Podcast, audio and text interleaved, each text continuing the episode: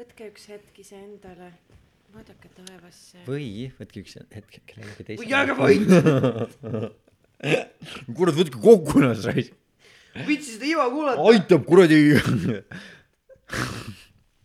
lollitamisest raisk, meil on siin mingi kuradi nalja kuradi tegija, et mehed raisk, võtke ritta ja hakake perse käima. see nüüd jälle, ma kujutan ette, et see on see hetk, kus su ema ütleb, et kuidagi see eelmine episood oli see ainuke hea episood. no aga siis äh, mina ei taha veel magama jääda kevadhooaja alguse terviseks. okei okay,, see kõlas nagu ämbriga, kaks ämbrit oleks. no meie podcast'i uus nimi võikski olla Kaks ämbrit. kaks kaks ämbrit ja jutud kaks ämbrit ei taha veel magama minna. um,. no mis värk on siis ma ei tea, mingi maailma lõpp. maailma lõpp. uh,? nagu ma enne sulle ütlesin, siis uh, Hollywoodi legend James Cromwell, kaheksakümmend kaks aastat vana, mänginud mitmetes kassaehitides, millest ma praegult ei suuda ühtegi nimetada, aga kõik oleme neid näinud, liimis ennast USA-s Starbucksi ees, oma käe liimis posti külge kinni, sellepärast et äh, Starbucks äh, küsib ekstra raha taimsete piimade eest. mis on meie mõtted? no siin on tegelikult nii palju, mida lahti arutada. esiteks minu meelest keelati ära taimsete piimade piimaks nimetamine. aga mit- äh,, Euroopas Aa. sest Euroopas elavad normaalsed on ka inimesed. omaette teema selles mõttes, et ku- kuidas siis, kuidas siis klassikaline piim, piim, tal on autoriõigused, et no sest see on piim. kes see, kes see täpsemalt seda sõna äh, siis, kes kas see on, kellele kuulub copyright tähendab, kuhu see kõik läheb, kas varsti niimoodi, et kui on, mul on tool ja ma panen selle peale lillepoti ja ma ütlen, et see on li- lillealus, et siis ma ei tohi seda teha või?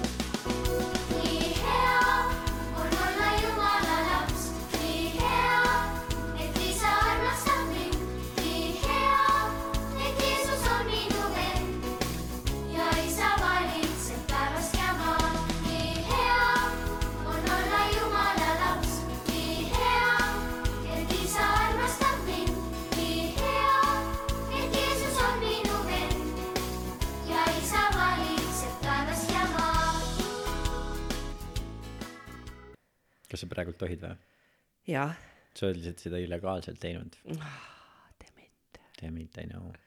Keegi huvitav kas see oli mingi stand no ja teine asi, ma tahtsin lihtsalt küsida, et kas ta on ikka veel sinna külge liimitud või ta pääses? äh, ei ma nagu ma alguses ütlesin ta liimis oma käe sinna külge ta ise läks koju magama. Ta käsi ripub ripub seal lihtsalt kaheksakümne kahe aastase mehe käsi Starbucksi ees kuule ta on pisinäitleja tal on vaja rolle teha ja aga hea näitleja hea näitleja mängib niimoodi isegi Mitu ühe käe ühe ei on? ühe käega isegi mängib niimoodi ta mängib nii hästi et sul on siuke tunne nagu tal oleks kaks kätt. No siis ta ei mängi, paljud inimesed tegelikult ei tea seda et Al Pacinol ei ole kumbagi jalga tegelikult. Aga ta on nii hea näitleja et igas rollis sa lihtsalt vaatad et noh tüüp mängib kahe jalaga tüüpi. Ma mäletan, kui ma nägin äh, mingit filmi, kus mu isa mängis üht tegelast, kellel ei olnud jalga. ja ma sain trauma sellest, arvasin, et tal võeti ära jalg vahepeal. kus kus ta? mängis ma ei tea, see oli mingi ühisfilm, mingi Aa. imelik suvaline või no võib-olla ei olnud suvaline, ma ei tea, aga lihtsalt ta näitas seda mingile viieaastasele lapsele, ma arvan, et see võib-olla ei olnud päris selle filmi sihtgrupp ka. mul ei tule meelde ma just kuulsin ma ei saa mäleta kas see oli Eestis mingil open mic'il või ma kuulsin kuskilt mingit välismaa koomik rääkimas seda. Ei see pidi olema eestlane sest eesti keeles meil on siuke sõna nagu kohvikoor. Ja ma ei taha nüüd ühegi nagu stand-up koomiku ma vabandan selle stand-up koomiku ees kelle nali see on ma ei taha tema materjali burn ida niimoodi laivis aga mulle meeldis lihtsalt see mõte et nagu Eestis on reaalselt olemas siuke asi nagu kohvikoor. Aga kui sa lähed kohvikusse kus sul tehakse kohvi siis on võimatu saada kohvikoort sinna peale sa võid piima saada kohvi peale siis Jah. mitte kuskil kohvikoort kohvi peale no how crazy is that legemates siukestes vanaaegsetes saab. oota, ma hakkasin jälle selle imealiku häälega rääkima, mis mulle ei meeldi tegelikult. sa sul on mingi teine hääl ka või jaa, mul on nagu selline produtsendi nagu kõrgem hääl. sa tahad ja produtsendi on produtsendi häälega rääkida hääl, kui või ma tahan lahe olla, siis mm. ma räägin niimoodi. aga tead, see tuleb ka siis vaata, kui sa kuuled iseenda häält, siis äh, automaatselt see tämber läheb sinna madalamasse kohta, mul läheb ka. aga see on palju arvad- parem hääl. arvad, et see on kõigil nii? ma ei tea, ma tean, et mul on nii ja nüüd, kuna sina tood selle välja. aga kas me iseenda häält kuuleme kõrgemalt või madalamalt kui teised inimesed? äh, ütle, kasutades oma väljamõeldud äh, doktorikraadi Doktorikraadi. bioloogias äh,, mis ma just praegult selleks järgmiseks segmendiks äh, välja mõtlesin endale, siis ma arvan, et see oleneb sellest, missuguse kujuga meie kõrvad on. mul ei ole õrna aimugi. ma ei tea tõesti. ma ka ei tea, keegi võiks öelda meile. ja nii, et eh, kirjutage und ei ole, et gmail.com või siis mm -hmm. jätke Arsenali Selveri sinna stendi peale infoletti. lipik, jah uh,. meil on üle pika aja esimene podcast alkoholiga uh, ka hea asi, mida tähistada, me ei ole kumbki poolteist aastat põhimõtteliselt alkoholi joonud, sa hakkasid oma nägu imelikult katsuma ma katsun ja kas kortsud tulevad juba või ei tule? jaa, peaaegu küll jah. mm,. no minul päriselt oli ka alkoholist äh, paus, no minul on olnud mitte küll nii pikk, aga mitte päris nagu paus, aga lihtsalt ma olen terve kevad olnud igatpidi tervislikum ja tublim kui muidu viimased vist peaaegu peaaegu kaks aastat. Aga minu arust on täiesti välja vabandatav, sellepärast et ma just kellelegi rääkisin seda, et alates koroona algusest kuni selle kevadeni mul ei ole olnud ühtegi perioodi, kus mul oleks nii palju tegemist, et ma saaks kõik oma loomuliku energia ära kasutada. ehk siis see on olnud mulle vajalik äh, pidutseda, juua alkoholi ja süüa rämpstoitu lihtsalt selle jaoks, et mul ei oleks nii palju energiat, sest mul on lihtsalt see, et nagu mingi, kui palju ma saan ümber Tallinna jalutada ja tiire teha. ja mul on siis nagu, ma saan trenni teha ja jalutamas Tiirutaja. käia ja siis on see energia lihtsalt kasutatud. et äh, aga nüüd nagu kevade ja sõja algusega on äh, tegemist rohkem jälle ja äh, siis on energiat millekski muuks kasutada. igastahes kuulsin mina see oli nii hea segway. et äh, eelmises osas sa mm, kasutasid äh, päris palju whataboutismi, millele muideks praegu minu teada otsitakse eesti keeles äh, vastet. oh, kuule, see on jumala hea asi, millest rääkida. väga hea No, et sa selle ülesse tood. jah, sellepärast ma tõingi selle ülesse. Good point, skillful podcasting. see on üks asi, ma olen ise ka klaasid kokku kõlagu. mm. -hmm. see on väga hea asi, millest rääkida. olen isegi selle peale palju mõelnud. olen isegi seda palju kasutanud. sellepärast, et üks asi on see, et ma saan sellest terminist aru, aga see, et sa lihtsalt või noh, et keegi, et paljud inimesed lihtsalt kasutavad seda terminit ja ma olen näinud seda, kuidas sotsiaalmeedias eriti inimesed, kes ennast intelligentseks peavad äh,, on hakanud kasutama seda, et aa, see, mis sa ütled, see on lihtsalt nagu whataboutism mm. -hmm. aga see, et sa paned mingile asjale nime, lihtsalt suvalise nime, ei tähenda see, et selle valitsus äh, samas ma mõtlen, et kas nad tahavad kuuluda ühte gruppi budismi hinduismi. Whataboutismi simplismi on- maksimalismi. see on, see on hea point ka, aga sest mida siis seletame kuulajatele, kes ei, võib-olla ei pruugi kursis olla sellega, mis see tähendab, mida whataboutism tähendab praeguses olukorras siis äh, eriti äh, nii-öelda oluliseks saanud temaatika on see, et paljud inimesed, mina kaasa arvatud, kui läheb teema geopoliitika peale ja selle peale ei, mitte ainult. ja, ja just, just, just, aga see on lihtsalt näide näide just, eks ole, aga näide, kus seda praegult kõige rohkem kasutatakse no sest praegu lihtsalt räägitakse peaaegu ainult Just, ja geopoliitikast. see on ka see asi, kust mina, eks ole, seostun sellega, sest mina rääkisin sellest samasuguse tooniga või mis võib jätta samasuguse mulje. ja whataboutism selles kontekstis on siis see, et sa justkui õigustad või vabandad välja kellegi äh, halva käitumise sellega, et aa, aga me oleme ise ka valesti käitunud või et keegi, et ega me ka puhtad poisid ei ole, põhimõtteliselt, eks ole. ja see kontekst, mitte ainult siis enda, vaid, vaid seal on siis ka see, et aga, aga mõtleme selle peale, mida seal need inimesed jaa see, sest see kontekst, eks ole, kus mina seda kasutasin, oli see kõvasti rääkima või? ei äh, ma ma ei alati saa sellest üldse aru, mis ma ise kuulen. jaa, aga kusjuures nagu ükskõik kui ma- madalaks ma su siit keeran, siis ma pärast nagu postis ikka nagu tõmban sult seda volüümi maha, sest eriti nendel hetkedel, kui sa naerma hakkad, siis nagu kõik masinad lähevad punasesse äh,.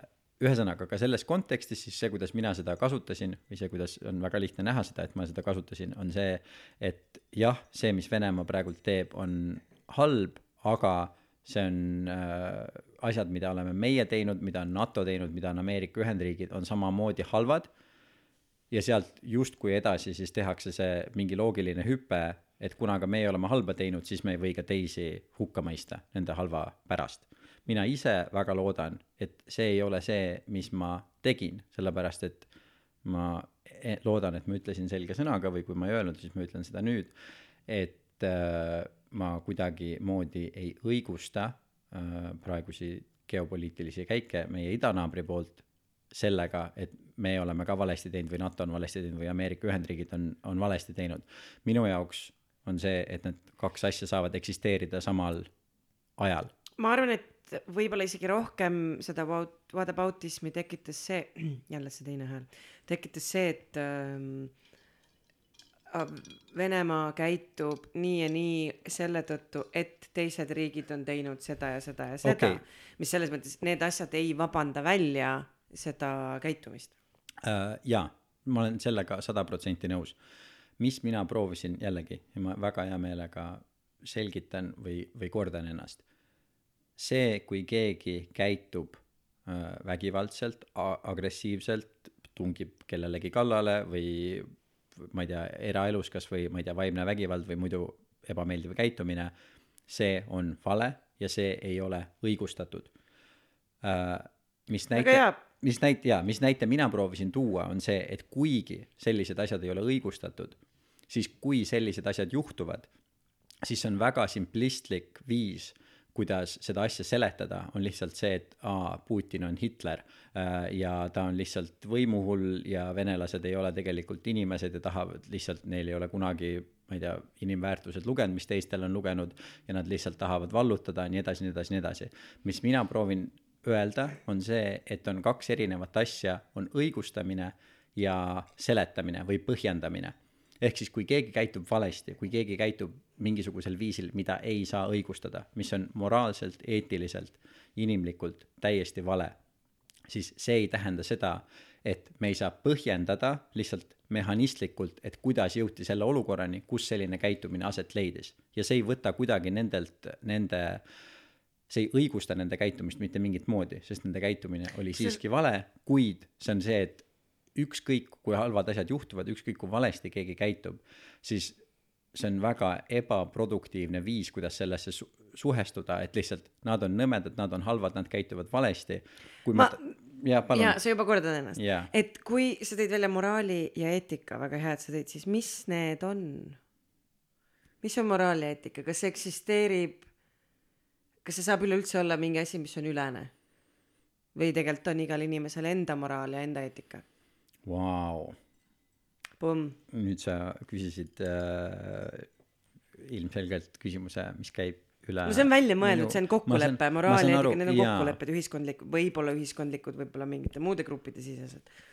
see ei ole päris, see ei ole mingi asi, mis on kaasa sündinud, see on väga tugevalt meile sisse õpetatud. jaa, ja see on väga äh, olukorra, geograafia, noh, nii paljude asjade põhine. Kontekstipõhine. konteksti, metsikult Lihtsalt. kontekstipõhine.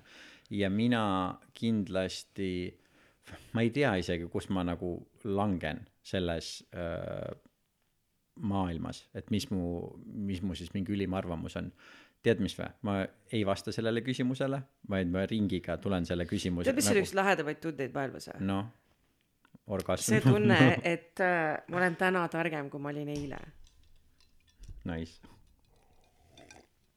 jaa, aga minu äh, sõber Erki Veiko eelmine nädal ütles mulle midagi väga toredat. ta ütles, et tema väga tugevalt eristab selliseid asju nagu arvamused ja veendumused. ja tema jaoks on see, et kui sul on mingi asja kohta mingi arvamus, olgu see geopoliitika, sõda, abort majandus, immigratsioon, siis tal on sellest täiesti pohhui, sest see on lihtsalt see, et sa ei ole endale mingisuguseid põhimõtteid selgeks teinud, sa oled kuulnud siit seda, sealtpoolt seda ja siis sa lihtsalt arvad midagi, eks ole, ja tal on sellest täiesti pohhui. kui sul on veendumus, eks ole, et see on see, mida ma usun, ma olen nõus selle eest seisma, ma olen nõus selle öö, nimel kannatama, siis see on see asi, mida tema tahab kuulda. Eks ole, siis on see, et okei okay,, siis räägime, vaata, sest muidu on seesama asi nagu, et kui sul on mingi Postimees online'is on see, et arvamus umbes, et kas peaks juhtuma see, kas peaks juhtuma teine, kas peaks juhtuma kolmas. see on see, et need on arvamused, vaata, mi-, mi-, mind ei koti see, mis mingi suvaline tüüp arvab, kui ta ei ole neid asju enda veendumusteks teinud ja see on, oli minu jaoks väga huvitav ja ilus mõte. Ja ja, ma ja, ma arvan, et need, see moraal ja eetika on sellised asjad, et kui me laskuksime mingisugusesse spetsiifikasse, siis mul kindlasti oleks palju nii-öelda arvamusi mm, -hmm. võib-olla mingites kohtades ka veendumusi, aga niimoodi, et ma oskaksin üleüldiselt öelda, et minu veendumus või siis arvamus moraali ja eetika kohta on selline või selline, et seda mul ei ole, sest see on ka minu jaoks väga raske ja keeruline ja ma tahan ühe korra veel täpsustada selle lihtsalt selle whataboutismi kohta, et jällegi ütlen veel ja veel kord, et see, kui ma proovin põhjendada, miks või kuidas mingid asjad juhtusid, absoluutselt ei tähenda seda, et ma õigustan seda, kuidas keegi ma arvan, et kõik saavad sellest aru, ma arvan, et selle kommentaari mõte võib-olla oligi see, et äh, see pigem oli tagasiside, ehk siis, et asju saabki paremini seletada. mm. -hmm. aga et ma ei, need tahaksin ei langeks kuskile kahe ja, ja on, ja ideoloogia on vahele., ja see on adekvaatne, aga mina tahaksin selle kohta vastu öelda lihtsalt see,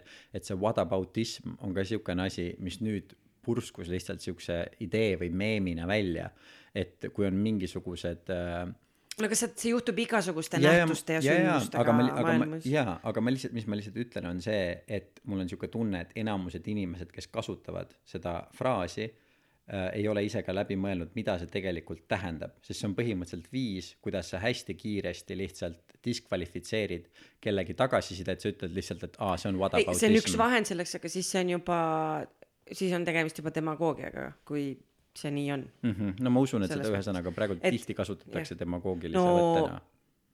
üks teema, mis mul, mida ma tahaks sügavamalt uurida, kuigi see ei ole nüüd otseselt, tähendab, selle kohta on kindlasti infot palju, et ähm, kui teatavas mõttes seksikaks ja huvitavaks me oleme vaimuhaigused meie ühiskonnas teinud, et mul lihtsalt tekkis see link, kui sa ütlesid, et mul on tunne, et hästi kergelt inimesed ütlevad, et neil on depressioon, kuigi neil ei ole seda diagnoositud. Meil võib olla hoopis mingi muu asi, et äh, seda lihtsalt ähm, üleüldse mul on tunne, et maailmas kasutatakse sõnu ja ka lauseid, mis tekivad sõnadest liiga kergekäeliselt, noh, et mõte on ära kadunud. meil on alati võimalik pöörduda tagasi, et nii ma ei mõelnud, nii ma ei tahtnud öelda. ja inimesed lihtsalt räägivad nii palju mõttetut möga suust välja, millel ei ole mõtet, nagu vist ka meie. jaa. I m only a human. ma olen sinuga väga-väga nõus ja ma selles mõttes, ma, lihtsalt, ma mõtlen, sorry, et ma segan, isiklikust plaanist, ma olen juba aastaid, ma ei tea, kuidas see nii on läinud, ma ei, kui ma ke, nagu lepin kellegagi midagi kokku, siis ma tegelikult sada protsenti ei arvesta sellega, et see kokkulepe päriselt kehtib. esiteks on see, et ma pettun väga palju vähem. no sest asi isegi ei ole selles, et inim-, teine inimene, kui ta midagi ära ütleb, et see oleks see, et ta teeb seda, ta ei tee seda ilmselgelt pahatahtlikult. vahel isegi ka mitte läbimõtlematusest, mis iganes. asjad juhtuvad kogu aeg elus, asjad muutuvad, onju. jah, kõik Äh, praegu, täpselt äh, sama. Ja ma väga ammu sain aru sellest, et nagu iseendale säästad hästi palju pettumust, kui sa ei võta kõike nagu kivisse raiutuna. Ja üks asi ka sellepärast ongi näiteks, sorry jälle, mul tulevad need mõtted nagu, ma, vaatad Hollywoodi filme, Ameerika filme onju, ma ei ole seda Euroopa filmides täheldanud, et kui oluline on see, siis sellest võiks mingi asja kokku lõigata, et I promise. Kui tähtis on mingi asja lubamine. Ja mul on nagu mida, mida reaalsuses, mida see tähendab? Siin maailmas, et sa lubad midagi. Ja siis isegi okei okay,, üks on see, see hetk, kus see tekib, see lubamine. Ja teine hetk on siis see, kus seda lubadust täide ei viida ja siis on see tohutu pettumus, et mi-, asjad juhtuvad. Nagu ma ei tea, vahepeal tuli sõda, sorry, ma ei saa seda projekti lõpuni viia, mis ma lubasin sulle, et ma teen. Ja siis teine pool on mingi but you promised no,. jaa, okei what okay,, the Laura fuck?, sa tõid perfektse näite praegult uh,. üks näide, mida ma võib-olla olen meie podcast'is varem ka toonud, mida ma kuulsin kedagi teist kasutamas, on see, et a la kui sa oled neljateist, viieteist, kuueteist aastane, sa oled esimest korda armunud, eks ole, ja tunned esimest korda neid armumise emotsioone ja, ja kõiki neid äh, imelisi tundeid teise inimese vastu ja siis, mis me tihtipeale võime öelda, on see, teisele inimesele, meil saab kohe-kohe vist patarei tühjaks, siis äh, vaatame, kui see juhtub, siis ma vahetan patarei ära. aga ma räägin veel nii kaua, ma tahan ma tahan näha, avaldasid kõigile oma plaani, kui patarei saab ma tühjaks, tahan ma näha, sest ma ole-, ma sest- küsisin täna Sassi käest, mis sa täna tegid, jalutasin tänaval ja ei, sest ma tahan näha, et kas need patareid päriselt saavad millalgi tühjaks, see ei ole siiamaani kunagi juhtunud. ühesõnaga, et äh, ja me võime teisele inimesele öelda sihukest asja, mida mina kindlasti neljateistaastaselt tegin, on see, et ma armastan sind igavesti või et ma ei lõpeta kunagi sinu armastamist mm. ära. ja mida see teisele inimesele tähendab, on see, et umbes, et me oleme igavesti koos ja sa armastad, noh, kõiki selliseid asju. ja mingil hetkel see suhe saab läbi ja siis teine inimene on see, et aga sa ütlesid mulle, aga sa ju lubasid mulle, sa ütlesid, et sa armastad mind igavesti mm.. aga see, mida sa neljateistaastasena või ka kahekümne, kolmekümne, viiekümne aastasena, mida sa tegelikult ütled, mida sa väljendad, on see, et see tunne, mis praegult minu sees on, on see, et ma armastan sind et see igavesti. tundub nagu just, lõpmatu tunne. see, et ma ei oska ennast see praegusel hetkel tundub Just. lõpmatu tunne. ma ei oska ennast paremini, ma ei oska oma sõnu nii palju paremini, right here. täpselt, ma ei oska sõnu paremini kasutada, et öelda, et mulle praegult tundub, et ma armastan sind igavesti ja see ei ole ka väga poeetiline, eks ole, niimoodi seda öelda, see on suht pask küll, eks ole. aga, samas mõt-, oleneb seti, oleneb kontekstist jällegi. aga see on ka su-, suurepärane näide, vaata, kuidas me oleme sõnadest nii võlutud ja paelutud, et me saame, see saab meile nii tugevasti haiget teha, me võime aastaid seda endaga no kaasas see on kanda. natukene nagu selline asi, et sa ütled, et tool on väga hea abivahend istumiseks, meil on seda tavaliselt vaja, kui me istume. et muidugi sõnadel on fucking tähendused olemas.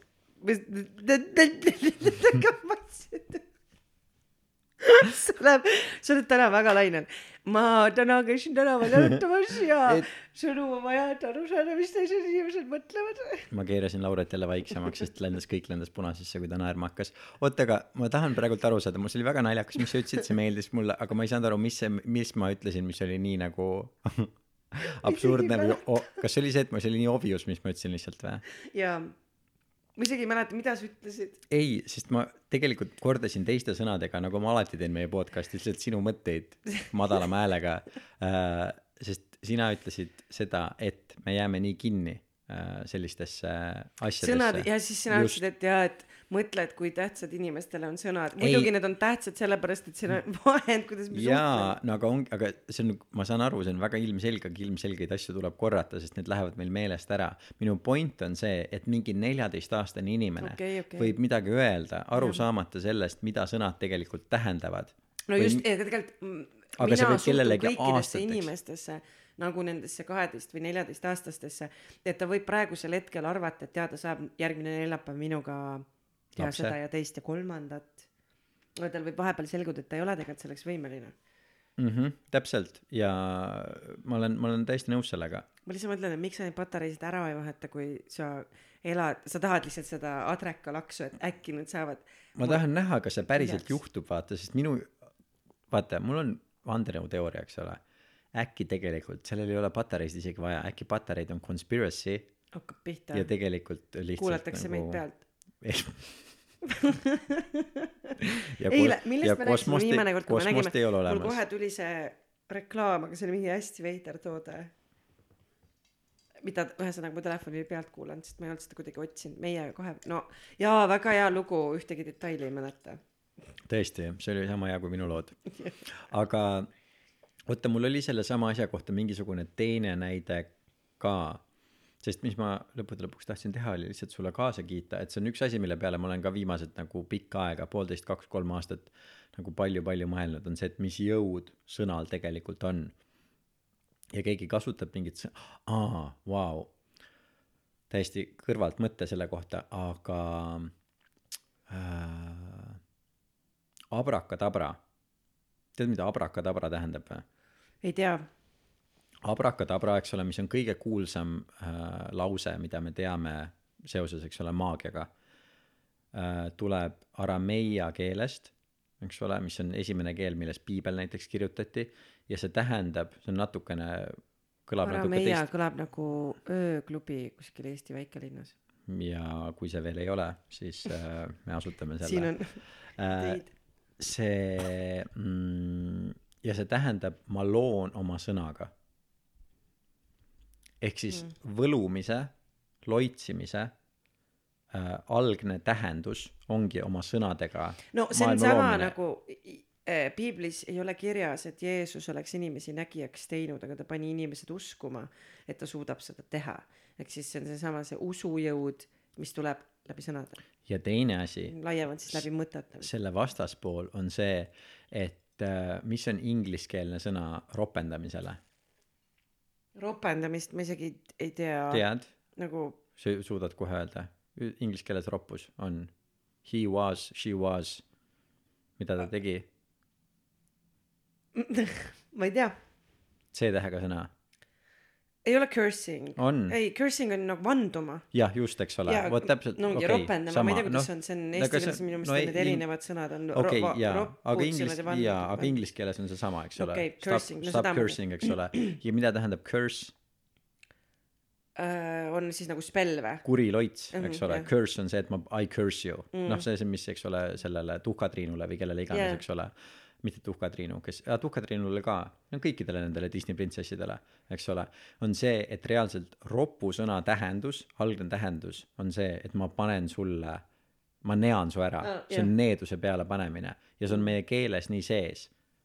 Ja samamoodi see, et kui keegi ütleb, et a la, et ma armastan sind igavesti või oma sõnadega ütleb, mis paneb sind kuidagi väga-väga hästi tundma ja siis hiljem justkui murrab seda lubadust või murrab seda spelli, vaata, murrab mm. seda loitsu, siis sina oled katki sellest, sa võid, noh, inimesed võivad aastaid kannatada selle pärast, et ta lubas mulle seda ja see ei juhtunud.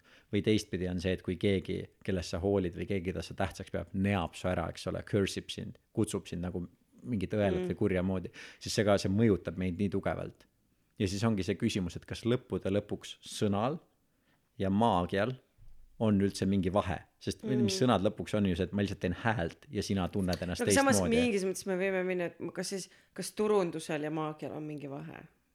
noh, nii et nagu me võime edasi minna, et Vabalt võime edasi minna. nagu noh, et kogu kommunikatsioon teatavas mõttes on No ja- maagia on ju aga ongi kogu aeg me ju manipuleerime mingilgi mm -hmm. tasemel või me tahame, meil on mingid tahted või eeldused, kui me mingitesugustesse olukordadesse lähme, mida me sealt tahame saada või mida me saavutada tahame, on ju. Mhm. selleks me kasutame mingeid viise, mis on siis nagu spellid. aga see ongi väga hea edasiminek, sellepärast et noh, ongi turundus on lõppude lõpuks üldiselt sõna teistmoodi kasutamine, on ju noh, sõna, sõna no sihuke laiem või edasi, edasi vii- viidud kasutamine, aga kas tead, kuhu see kõik lõpuks välja jääb või? et kõik on üks. Fuck, ei. aa, väike. Asemer, Asemer. vau. Vau, sa suutsid sa suutsid kuule. selle Vestonsi kiiremini ära Oota. juua, kui see patarei tühjaks sai.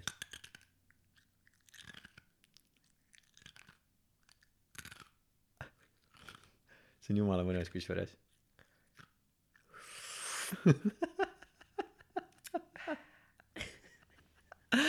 see oli minu jäätüki söömise Ashemer. Äh, ma tahaksin sulle tuua uue siidri, aga see asi ei ole ikka veel tühjaks saanud. kas sa kannad paar minutit veel ära? jaa, kannata muidugi. väga hea mida Ashemer tähendab üldse? oh,. jälle üks niukestest S on asjadest. sound, ma arvan. M on men, R is rape. R on recording. Awesome sound makes recording. Tas see ka nagu. ma ei ole kunagi kuulnud, et keegi seda niimoodi Eestis? Assemr. las ma hakkan Assembri tegema. naine, jäta mind rahule. inimesed hakkan, ütlevad seda? ASMR. ASMR, okei. see võiks veel mingisuguseid. mäletad, kui sa lapsena said, no need hetked, kus sa saad teada, et mingid sõnad, mis sa oled hääldanud, mis on inglise keelest mingid brändid või asjad, et neid ei hääldatagi nii, nagu sa arvasid, et neid hääldatakse too näide. ähm,. Sprite, Noh., sa arvad, et see on Sprite ja siis keegi ütleb Sprite, see on skuusi. kui mina oh,, no Mikk, Asper. Mikk. Madissoni mäletad? jaa, jaa, kui Mikk Madisson, kui ma olin kuueaastane, esimest korda tuli näiteringi, mis ma vähemalt mäletan esimest korda äh, õpetajate majja Raekoja platsil, siis tal oli seljas Nike'i jope, kus oli selja peal kirjas Nike, ma nägin elus esimest korda Nike'i nagu noh, Nike'i nime Kirjapilti. välja kirjutatud ja ma lugesin lihtsalt nagu Nike ja lihtsalt nagu naersin ja näitasin näpuga. Ja minu arust oli lihtsalt see "Äh, Nike! Ja siis keegi ütles mulle mis sa räägid see on Nike see on kuradi üks kõige lahedam firma. Tegelikult kas see ei ole mitte na- Nike vaid Nike? On tegelikult peaks on ütlema Nike. võidu võidu jumalanna Jah. sealt ja oh fun fact mis ma õppisin mingil hetkel. Nike'i logo. Tead kuidas see sündis või? Ei tea. Kusjuures ma just enne mõtlesin ka sellele et nii palju on mu elus neid kordi kus keegi küsib et aa kas sa tead seda lugu või kas sa tead midagi sellest? Ja siis ma vastan jaa jaa sest et ma kind of nagu olen kunagi minevikus kakskümmend aastat tagasi kuulnud mingisugust story't sellega et ma tegelikult ei tea mitte midagi. Miks ma ei või lihtsalt öelda ma ei tea. Ma olen jaa ma tean. Eriti võõraste inimestega siuke et kuidagi ma ei tea öö, varjatud flex, et jaa, jaa, ma olen täiega kursis kõigega. Ja siis ta mingi, ja, ja siis mäletad, siis ta küsib mingi jätkuküsimuse ja ma mingi, okei okay,, sorry okay, ma tegelikult ei tea I fucked up. uh, bold. I was too bold. Uh, ei mina arvan et sa ei peakski uh, tunnistama et sa ei tea. Mina arvan okay, Laura et sa peaks elu lõpuni minema niimoodi edasi et sa alati see on üks vaata hästi toredatest nendest um, üks teised Ka- Karl ja Laura vaata keda Jaa. sa oled ka kohanud neid Jaa. eks ole kui mina esimest korda neid kohtasin siis Karl rääkis selle loo ja ma tean et ta ei taha et ma räägiks seda aga kuna keegi ei kuula meie podcast'i siis see on fine uh, Karl rääkis mulle sellest, kuidas ta läks massaaži ja siis äh, see äh, tüüp, kes massaaži teeb, on mingisugune a la, ma ei tea, mingi tema isa sõber või keegi, mis iganes. ühesõnaga, ja ta oli siuksest tujust, et ta ei viitsinud absoluutselt rääkida, ta tahtis lihtsalt massaaži minna ja siis see massoor, massöör, tal oli kas mingi muusikariist või midagi, ütles muusika, mis iganes, eks ole, siis küsis, et oo, et sulle meeldib muusika, et kas sa nagu mingi õpid ka muusikat või. ja siis Karl lihtsalt sellepärast, et nagu lõpetada vestlus võimalikult kiiresti ära, ütles mingi jaa, jaa, et õpin ja, ja siis see mees küsis, et noh, et kus kohas siis ja siis Otsa koolis või jaa, Otsa koolis ja, ja siis see mees on, noh, et kes su õpetaja on, et ma tean kõik õpetajad seal, siis ta oli lihtsalt mingi okei okay,, ma tegelikult ei käi Otsa koolis ja ma tegelikult ei tea ühtegi õpetajat seal, sest see tüüp ise ka vist oli Otsa koolis õpetaja ja siis ta oli selles olukorras, et okei okay,, et ma olen siin poolpaljalt selle tüübi massaaži laua peal taganema. ja ma olen just valetanud talle, et ma käin Otsa koolis ja siis ta küsib täpsustavaid küsimusi ja nüüd on eriti nõme olukord mul nii halvasti ei ole läinud. ma ikka selles mõttes mõtlen oma valed läbi, et ma mõtlen üldiselt ajus, kuna ma olen nii Ajus, jah. pikalt, ma mõtlen ajus üldiselt, täpsustasid, sest no ma mõtlesin, ajus. kas nagu Arsenali keskuses, kas nagu kuskil õues toas mul tuleb see valetamise staaž on nii pikk ja ma automaatselt käin läbi kõikvõimalikud comeback'id ja ma ei valetaks kunagi siukest asja kus äh, noh ma ei tea mingit äh, ma ei tea mingit selle ala kohta mingeid teadmisi noh ma vastaks midagi ma olen õppinud Muud. terveid, terveid alasid endale selgeks, ainult sellepärast kohta. neli hooaega Seksi ja linna vaatasin läbi lihtsalt sellepärast, et ma saaksin ka kaasa rääkida, kuigi ma tegelikult mulle ei meeldi see üldse. jah ja nüüd kuna keegi sellest ei räägi siis sa ei olegi saanud oma teadmisi näidata tõsi. mingi muu Aga- teema oli hoopis ja Nike'i logo jah äh,, Phil Knight, kes Nike'i lõi äh,, maksis mingisugusele graafilise disaini tudengile kolmkümmend viis dollarit, et ta disainiks talle mingi logo lihtsalt, kuule, testi, proovi midagi. ja seesama originaal Nike'i logo, selle eest maksti kolmkümmend viis dollarit. no aga see on muidugi ja see on noh, maailma üks kõige kuulsam märk, mis üldse eksisteerib. juhtub ähm, aga samas on ka täpselt, see on selles mõttes nagu vääriline, et kui keegi annab sulle kolmkümmend viis dollarit, siis sul on see, et ma lihtsalt tõmban ühe joone, nojah Noh, no, selles mõttes küll et jah see väljanägemine nagu peab paika selle. Aga ütle ise mulle, räägi ise mulle mo- moraali ja eetika kohta. ei ma küsisingi seda sellepärast et või no see vastus ongi vist see et need on ühiskondlikud kokkulepped tahan... need ei ole mingisugused äh, reaalsed Tead- asjad on jaa, ma ta- toon Need on, ja lihtsalt need selle on väga pikad protsessid, kuidas mingisugune asi, mis on, meil on isegi suhteliselt lähiminevikust neid näiteid ju nii palju, kasvõi keelest, millest me oleme palju rääkinud, mis võib-olla, ma ei tea, kolmkümmend, nelikümmend aastat tagasi oli koššer öelda, nüüd ei ole, on ju, sest see ei ole enam moraalne. noh, et see on, see muutub kogu aeg ajas, mis asi see moraal on mm. -hmm. jällegi kontekst ja ma, ajaline ma kontekst. toon äh,, ma toon lihtsalt ühe rohkem tavaelu näite selle whataboutismi kohta, sest ma jällegi ei taha, et kellelgi jääks vale mulje või et ma kaitseks kedagi, kes ei vääri minu silmis äh, kaitsmist äh,. Hästi palju on toodud Venemaaga seoses seda paralleeli, et Venemaa on nagu see äh, armukade boyfriend, eks ole, kes abuse ib äh, Ukrainat äh, ja saan sellest täiesti aru. kui me võtaks tavaelust siukse olukorra, kus sul on mingisugune meesterahvas, kes on äh, agressiivne, vahet pole, mis põhjustel, kas tal on lapsepõlvetraumad on või on halvas seltskonnas üles kasvanud või on gängis olnud või on lihtsalt sitapea, aga ühesõnaga keegi, kes on agressiivne ja keegi, kellel on ajalugu, et on oma tüdruksõpradega väga halvasti käitunud, olnud vaimne vägivald, vaimselt vägivaldne, füüsiliselt vägivaldne. Ja kui tal on uus tüdruksõber ja see tüdruksõber või siis ka teised inimesed teavad seda, et okei okay,, et sellel tüübil on nagu, tal on probleeme käitumisega, et ta läheb väga kergesti närvi ja kui seda närvi ajad, siis ta hakkab kuradi peksma, läheb kallale, läheb äh, matšeetega poodi varastama äh,, noh, mis iganes, eks ole, siis sellel hetkel, kus see tema uus tüdruksõber äh, mingisugusel hetkel käitub äh, kuidagi äh, selliselt, et see boyfriend läheb närvi, siis sellel hetkel, kus see boyfriend muutub vägivaldseks, siis see ei ole mitte mingit moodi äh, õigustus tema vägivallale, et aa, aga siis sa ajasid mu närvi, eks ole, et ma võingi vägivaldne olla, kui sa mind närvi ajad. see ei ole õigustus, aga see on see, et kui me teame, et ta on vägivaldne, siis sellel hetkel, kus sa ajad ta oma käitumisega närvi, siis kuigi tema käitumine ei ole õigustatud, siis me vähemalt saame aru, et aa, ta läks närvi sellepärast, et jah, tal on probleem, ta on ise süüdi selles, aga meie käitusime sellel hetkel niimoodi, et tal oli lihtsam närvi minna ja see on kõik, mida ma proovisin oma selle nagu äh, NATO-Venemaa nagu paralleeliga mm -hmm. tuua. no see on natuke seesama küsimus, ma pikalt ei taha sellel peatuda, aga et kui äh, ma naisterahvana tean, et mul on õhtul pimedas üksinda ohtlik linna peal käia, siis kas ma peaksin ennast sellesse olukorda panema? On natuke sama asi, et noh, see vaidlus on selles mõttes mõttetu, et jah, et okei okay,, see on reaalsus, ma ei peaks seda tegema, aga kui me noh, sellest ei räägi, kui me seda ei tee, kui me ei näita eeskuju, siis see olukord kunagi ei muutu.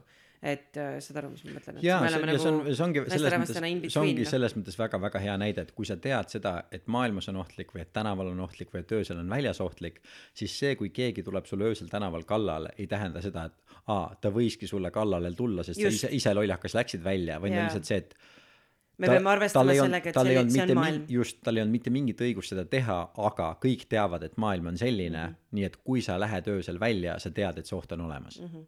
jah, nii et me oleme, saime, jõudsime nõus jaa, lihtsalt ma tahtsin, ka see what aboutismi kommentaar, see ei olnud minu kommentaar. ma, ja, ja ma saan aru, ma saan aru, aga ma igaks juhuks sellepärast mm, -hmm. ma tean, ma toon tihtipeale liiga palju paralleele ja ma täpselt sellepärast seda teengi, et tihti, kui ma midagi ütlen, siis keegi kas mõistab mind äh, valesti, sest ma ja siis ma tunnen, et okei okay,, ma seletan ennast viis korda, toon erinevaid näiteid selle jaoks, et ma ei tea, kellega sa suhtled. Ma ka ei tea, ma ei tea ühtegi inimest, kellega ma suhtlen. ma olen proovinud küsida, kes te olete, mis teie nimed on, kust te lähete, oot ei, mul just hakkas lõbus. tulge tagasi, tulge tagasi. okei okay,, kakskümmend minutit on siiamaani täiesti tühjade patareidega see asi töötanud no,. aga äkki ta siis tegelikult ei töötagi. ei no ta rekordib, äkki ta tegelikult ei tööta, pilt on ees, rekordib, me kuuleme üksteist, aga äkki ta tegelikult ei tööta no ma ei tea, mis võib olla. aga selles mõttes, et jah, see on minu jaoks, ma proovin enda peas tihti ka mõelda, et, et kas siis on mingisugune nagu universaalne moraal või universaalne eetika üldse olemas, sest mulle tundub, et see on kõik kontekstipõhine ja mingi asi, mis ühes kohas on moraalne, eetiline, teises kohas ei ole. ja sellepärast see on fluid, ma ütleks. jah, ja sellepärast on väga raske ka neid nagu äh, mingisuguseid üld, üldistavaid nagu asju öelda selle kohta. ma arvan, et see on ka sihuke asi, et nagu see on a la nagu sihuke küsimus, et kas on olemas ideaalne inimene. nii äh,, meil oli äh, patareid said tühjaks kakskümmend kaks minutit pärast seda, kui nad väitsid, et nad tühjad on, aga äh, ühesõnaga, et kui keegi arvab, et Aleksander ei suuda tunnistada seda, et ta vahepeal eksib, siis okei okay,, see conspiracy, et patareisid tegelikult ei ole vaja asjadel. ma tunnistan, ma eksisin, tuleb välja, et on vaja. Õnneks sul oli võtta kohe asendust, me ei pidanud poodi minema ega midagi. ja ähm, meil jäi ennem nii mitu lõnga no suvi tuleb, aa, ja me tahtsime vahele kindlasti öelda seda, et äh, mida paljud inimesed võivad arvata, ei, see ei ole tõsi, et see Mina ei taha veel magama jääda podcast'i episood on lihtsalt äh, promo minu uueks stand-up solo show'ks nimega Playboy, mis äh, tuleb välja augustis ja äh, show'd on augustis ja septembris äh, Tallinn Fringe festivali raames äh, klubis Heldekai ja piletid on saadaval fringe.ee äh, keegi kes arvab seda et äh, selle jaoks see podcast on tehtud eksib valetab ja levitab valeinfot ja tahame ei, kolm aastat tagasi, kui me hakkasime seda tegema, siis me juba, see oli tegelikult see juba plaan juba see mõttes. see oli tegelikult juba plaan ja ähm, kosmeetika. Tead kust see sõna tuleb? Ei tea, mina olin baffled kui ma äh, kuulsin seda. Kosm eetika tuleb vist kreeka keelest äkki või?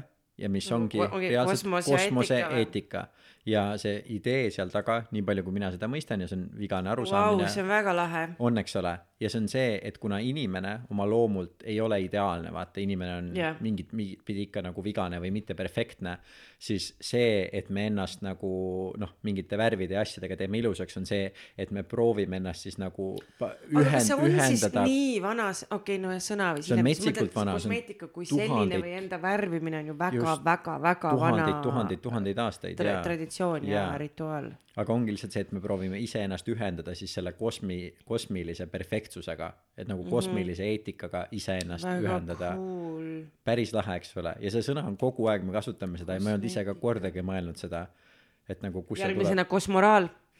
kus on kosmoraal? Kosmo, vot täpselt, Cosmopolitanist tuleb see, kusjuures ma mõtlen, et kui ma olin, ma olen, olen sellele mõelnud viimasel ajal paar korda. ma lugesin naiste ajakirju, kui ma olin äh, no naine.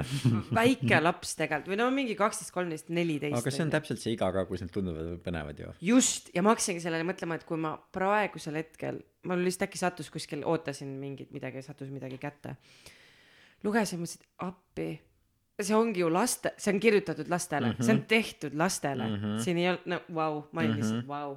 no niimoodi ma ei suuda seda lugeda, see on täielik bullshit. see on jälle üks nendest geeniusasjadest, mis on see, et see presenteerib ennast millegi muuna, tegelikult seda loeva nagu tarbib ainult mingi kindel sihtgrupp, aga või siis lihtsalt, et inimesed, kellel mm, aju on, ambitsioonid on ja ambitsioonid on kaheteistaastased ambitsioonid, jah, mis on ju siis enamus, enamus maailma rahvast. tervitused. Juhu! Nemad meie podcast'i ei kuula, see on äh,, see on fine äh,. ma kuulsin just ka üks päev seda, et mida tegelikult see sõna moraal tähendab, et kustkohast see tuleb, aga ma olen selle ära unustanud. sest see moraal oli, moraal on ka sihuke sõna, mis on seotud äh, ka sellega, et kui see on mingisugune koht, kus sa elad ja selles kohas on mingisugused looduslikud seadused a la nagu ma ei tea, kitsed elavad kõrgel mägedes või see, et palju on vihma või liiga palju on päikest, siis see, mismoodi sa pead käituma selle jaoks, et sa jääksid ellu ja selle jaoks, et sinu hõim jääks ellu, on lihtsalt hästi, hästi otseselt seotud äh, nagu põhimõtteliselt äh, siis geograafiliste tõsiasjadega, mis sinu äh, eluasemes äh, on ja, ja sealt on see sõna pärit, ehk siis ühesõnaga see on noh, üks-ühele seotud sellega, et kust äh,, kust sa pärit oled. oh,, sa leidsid üles conforming to a standard of what is right and good. aga kas sa leiad selle sõna jaa, aga see on huvitav selles mõttes, et siin peaks olema no, okei okay,, standard ongi ja standard saab olla ainult kokku lepitud asi, standard ei saa mm -hmm. olla väljaspool kokkuleppeid. aga siin on ma tahtsingi sinnani aga jõuda, aga, on- ma kohe leian, et sa tahtsid teada, kust see tuleb ja. ja etümoloogia, mis on sõna etümoloogia ja siin on see hea ka vaata, ma ütlesin, et what is good. ehk siis ikkagi ladina keelest moraalitas uh, manner, character, proper behavior mm-hmm, uh, Okei. is the differentiation of intentions, decisions and actions, actions between those that are distinguished as proper, sulgudes right, and those that are improper, sulgudes wrong mm.. mm-hmm. ja ennem sa kasutasid ka seda sõna good, eks Jah. ole, ehk siis hea ja ongi see, et kui me mõtleme mis on täiesti tohutult nagu nagu... subjektiivne sõna ei, aga oota, see on subjektiivne praegu, aga kui me lähme täiesti baastasandile, kui me lähme nagu eelajalooliste inimesteni, siis mida tähendab hea, mida tähendab halb, mida tähendab proper, tähendab seda, et kui sa käitud nii, sa jääd ellu, kui sa ei käitu nii, siis sa sured ära. eks ole, ja sellepärast ka mingid kõik meie tänapäevased kombed, vaata nagu meil jõuludel või üks uus aasta, kui me olime koos, Eliise ütles selle sõna meeglid, vaata, et nagu mõttetud reeglid, mäletad? me ei mäleta üldse. jaa, ühesõnaga ta tegi nagu luuletuse asemel oli see, et meeglid, mõttetud reeglid, eks ole, mis on mingid asjad, mille pärast nagu kõik on see, et nagu mingi aa, peab niimoodi, aga tegelikult on see, et no, miks me teeme niimoodi.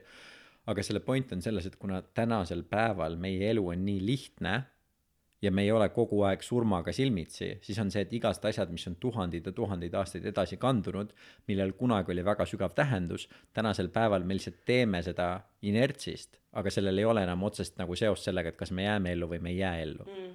aga samamoodi mingid, kui me mõtleme kasvõi sellist asja, et me kohtume kellegagi ja siis me tervitame teda või me surume kellegi kätt või nagu mingid sellised asjad, mis justkui, kui sa kõrvalt vaataks, oleks see, et see on just mingi suvaline, et miks sa katsud teist inimest, kui sa teda koht-, kohtad või nagu aga kokkulepe, see on ühiskondlik kokkulepe. just, aga et see koht, ma kus lootsin, et see Covidiga nagu süüakse välja, aga ei.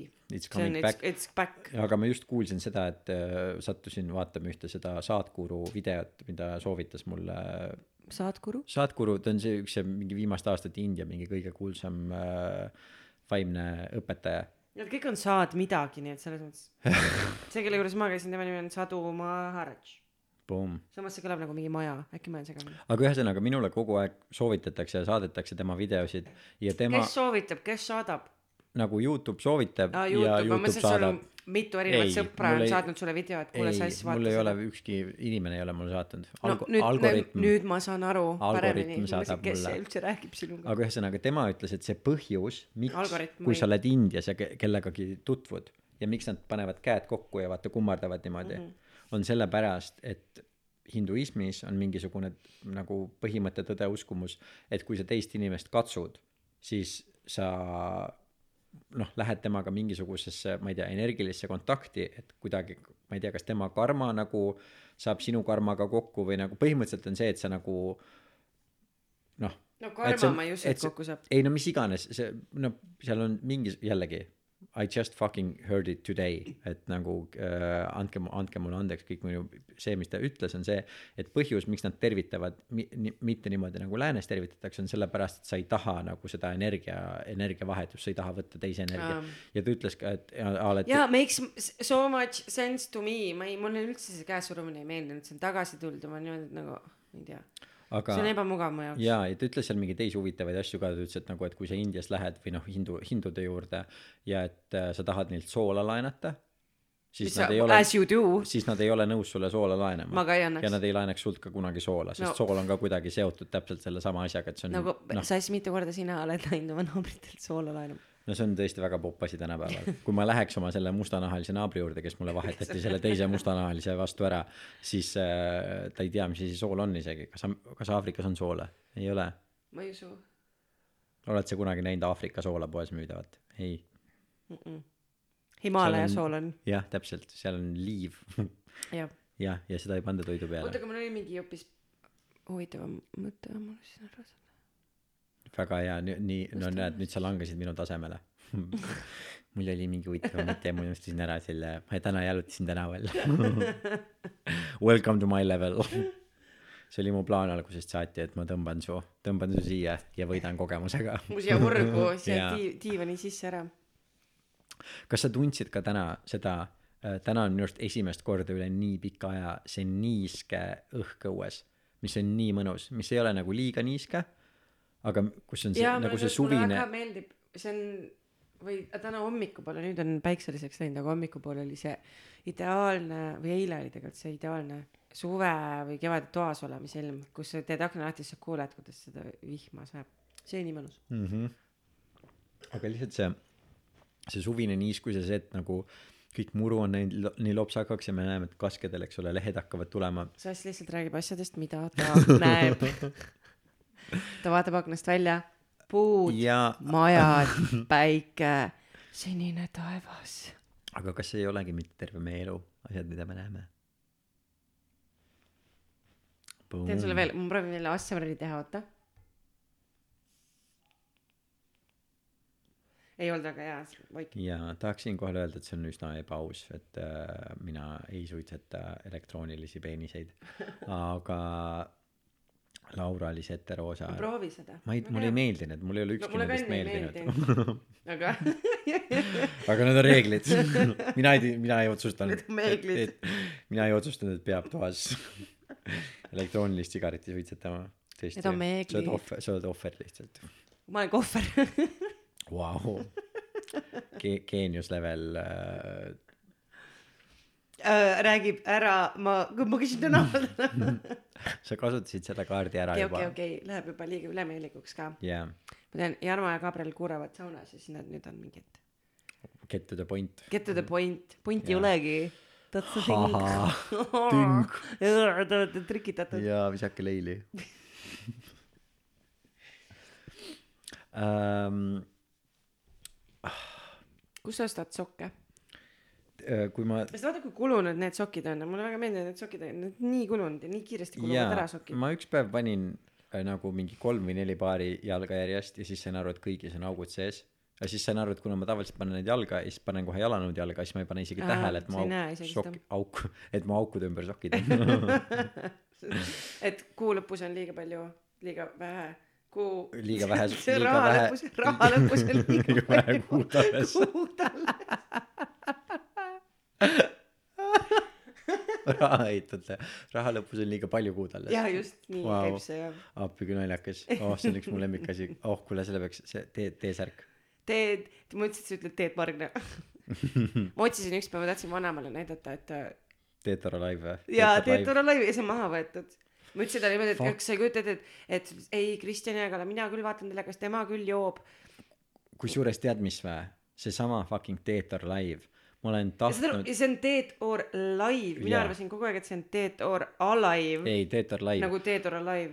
Aga fuck ma olen nii pahane tead ma pea- praegult löön iseennast sellepärast et ma olen mõelnud selle peale lampidel hetkedel et ma tahan selle teha screen recording'u sellest. Sest Just, mul oli ja kah- kahtlus et sellel hetkel kus Teet saab teada sellest et on üles tema temast video kus ta ilmselgelt on väga tugeva üheksakümnendate kokaiinilaksu all väidetavalt siis kui see oli veel puhas. Siis kui see oli veel puhas siis ilmselgelt ta laseb selle maha võtta. Ja see on juhtunud ja ma ei ole seda äh, salvestanud. Fuck. Meie viga. See on Eesti rahvas praegult kaotas. Ja see on meie viga sest yeah. kui paljud inimesed peale meie kes me Aftekatel siukeseid asju vaatame teavad et siuke asi üldse olemas Just. on. No vanaema ei teadnud ta oli hästi näita mulle. Siis ma olin nii et oh sorry mul ei olegi midagi näidata. Uh, okei aga siit üleskutse kõikidele meiesugustele kes see kes see tegi selle screen recording'u just et kes see selle tegi ja kas keegi on selle seda ka olnud ettenägelik et salvestanud seda et me saaksime seda Eesti Vaadata, rahvale näidata, näidata. Sest see on äh, olgem ausad viimase kolmekümne aasta Teet Margna kõige kvaliteetsem asi mis ta teinud on. Meelelahutus kui me võtame Jah. meelelahutusfaktori lihtsalt et kas su meel oli lahutatud jaa või ei sest olnud? sellest olgem ausad on mitu korda meie meel olnud Jah. väga lahutatud. Uh, rooside sõda kaks kanget uh, not so much ja kuigi Erki Nool on ikkagi ka surematu äh, nali mis oli rooside seast. See Erki Nool proovid äkki veel kust Simmo come on sealt on need naljad sa oled raudselt näinud seda. Jaa aga see on tead mis mul on siuke tunne et see mis sa praegult räägid on see level et ma olen seda näinud selles hetkes kus mu aju enam vaata ei salvesta nagu midagi. Et sul ei ole nagu et kui ma jaa et kui ma uuesti näeksin siis mul oleks see et aa ma olen seda näinud aga see mälestus eksisteerib ainult selles samas meeleseisundis. Teises nagu teadvuses või Jaa. seal. Mhm, okei. Okay. ühesõnaga see on ka lege nali no siuksed rahvasaated on üldse leged ma mäletan kui ma ise tegin seda rahvabändi äh, olin sul oli bänd kunagi või mul oli bänd ka aga see ei olnud rahvabänd see oli mul varem. Oli mul bänd Silviaga kui meil oli see mille manager ma olin kui ma olin kaheksateist. Aa okei aga see suva see on nagu naljakas lugu aga tegelikult väga ei ole. Igastahes äh, kui ma seda rahvabändi tegin see on tore sest vaata need inimesed on nii kahe jalaga maa peal. Mis rahvabänd rahvabänd on nagu see on telesaade kus võistlevad omavahel publiku häälte eest siis võistlevad omavahel rahvabändid. Nagu siuksed ähm, oota mis see sõna on need äh, nagu nagu keikabänd coveribändid mul hakkab nagu... nüüd hakkab midagi koitma kind of aga enne kui sa lõpetad selle siis eh, tahame ka eh, tervitada tänast sponsorit Westons Henry Westons siider kaheksa koma kaks volli Vintage. su- suve vintage eh, suve kõige parem kaaslane. Suve läkitaja suve tekitaja suve vahet ei ole aga ühesõnaga tegite seda ähm, rahvabändi? Et ühesõnaga need inimesed on palju reaalsemad onju. Neil ei ole mingeid nagu soove. Neil ei ole raiderit mida neil on backstage'i vaja. Nad on niimoodi et oo oo, kui siin issand sa tõid mulle tooli. Aitäh sulle. See on täiesti teine vaata äärmus. Kui nemad saavad tele telekasse siis see on nende jaoks ikka tohutu sündmus. Nad lähevad pärast sinna külla tagasi ja siis nad on nagu seal korraldatakse kui meil olümpiavõitjad tulevad tagasi seal Raekoja platsis korraldatakse see sündmus on ju või see üritus. Noh neil nad lähevad oma külla tagasi neil on see et aa Janek nii tubli olid jälle seal siin vahele TV3-s pean tegema et kui meil on ka nooremaid kuulajaid siis meie olümpiavõitjad on üks asi mis kunagi eestis oli mis olid siis eestlased kes olümpial said äh, kuldmedaleid äh, või hõbemedaleid või pronksmedaleid aga tänaseks päevaks tegemist on äh, ajaloolise lihtsalt äh, siukse mm, no siin ikka Kelly just sai ju see oli just viimasel olümpial Kelly Sildaru sai medali. Ära rik- ära riku ära mu ja nalja mis siin enne on olnud Saskia kusjuures vaat naised on olnud ja sellepärast sa ei mäletagi neid. See su- äh, Uisu Saskia või Alu Alu Uisu Alutaguse Saskia. Alu- Alusalu. Alusalu või Alutalu Al- Alus- Alusalu ma räägin. Alutalu ei, ei kõla õigesti. Alukalu Aluka halakalusid. Karikarusid kari. Ja Kristiina Šmigun ikkagi ei teinud dopingut aga vot Veerpalu vot ma ta- mis on saanud sellest grupist mina usun Andrus Veerpalu Äh, mina siiamaani käin ja postitan sinna. Saadan spämmi-maili kõigile. Kus te kõik olete jäänud? Meid on siin grupis kaheksa tuhat. Mäletad seda teleseriaali Ohtlik lend kus mängisid Marko Matvere ja Appi, see Elizabeth see on Reinsalu ka mingi asi mida selle kohta Facebooki sa ei ole sa jälle ei, ei ma olen näinud seda ma olen näinud sellest mitut episoodi ja ma ei mäleta kas see on ka mingi äfteka värk või ma olen kellega See ei ole väga- see ei kõla nagu äfteka ei, värk. aga sest ma olen ma viimaste aastate Kes jooksul ma olen seda? kellegagi koos seda vaadanud ja kui ma vaatasin seda siis ma sain aru et holy fucking shit eks ole.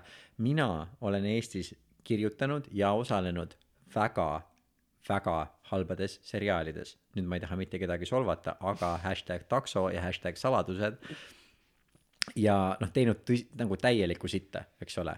näitlejana täielikku sitta. ja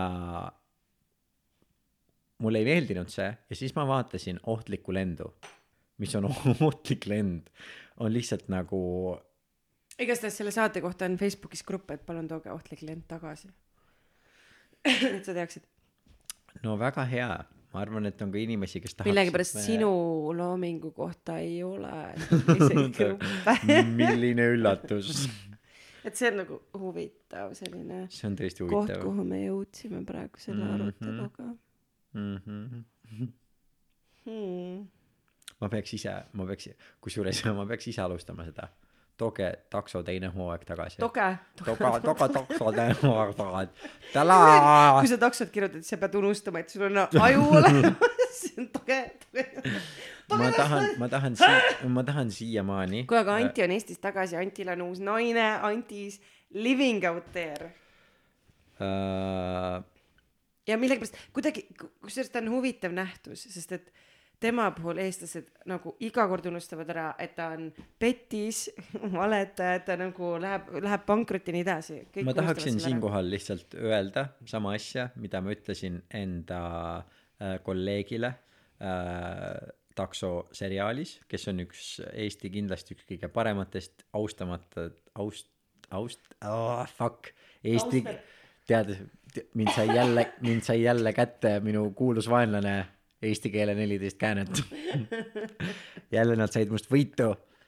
Ühesõnaga üks Eesti austatuim tead minu trikk ja sulle on kui sa ei oska seda sõna öö, sõnastada. Siis süüdista immigrante. Siis äh, muuda see lause ümber ütle okei. seda okay. teistmoodi. No ma nüüd tegingi seda. Aga ühesõnaga üks ja Eesti kui sa saaks lihtsamate lauseteni liikuda oleks ka sulle endale kergem. Üks Eesti äh, kindlasti parimaid näitlejaid äh, minu enda silmis ja ka Eesti rahva silmis äh, kui ma temaga koos sõitsin sinna võtetele siis ma kordan oma mõtet mida ma ütlesin talle autoroolis. Vau. Kellest sa räägid? siis ma kordan mõtet äh, mida ma ütlesin talle autoroolis. Ta kuuleb meie saadet. Sa lihtsalt oli see et äh, ma ennem seksiksin. Ennem sa ei saa töö ennem ei ole eesti keeles sõna on enne. Okei. M ei ole seal lõpus. Ma M ei ole iga asja lõpus sass kahjuks mitte. Ma ei kui uuesti Anti Reinthaliga koos töötaksin. Sa jätad mulje nagu su vend ei oleks hot see on lihtsalt alatu. Et lihtsalt olgu see välja öeldud et äh, see äh, kõik kõik muud ah, et kui sa teeksid uue hooaja taksot aga kui see oleks mingi muu seriaal äh, Yandeks kas sa siis kas sa siis teeksid? Kui see oleks ikka Anti Reinthaliga või? Ja ja muidugi siis ma kui oleks kui nimi oleks teine siis ja tegelikult asi ei olnudki Antis tegelikult asi oli saate nimes lihtsalt ja Yandex või siis äh, ja Nikolai Pensler on peaosas.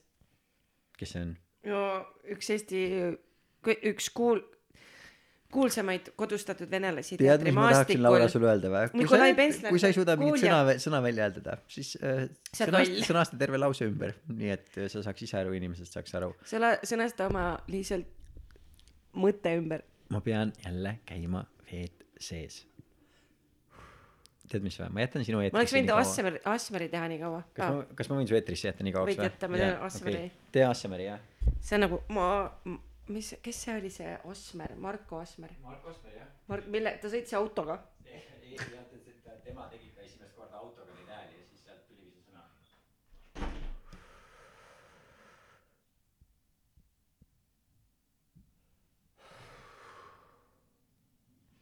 Kusjuures väga oluline on vahepeal hingata ikkagi nagu päriselt hingata sisse-välja seda ei tohi väga palju teha aga niimoodi natukene. Ja kõhtu mitte siia ülesse kopsudes vaid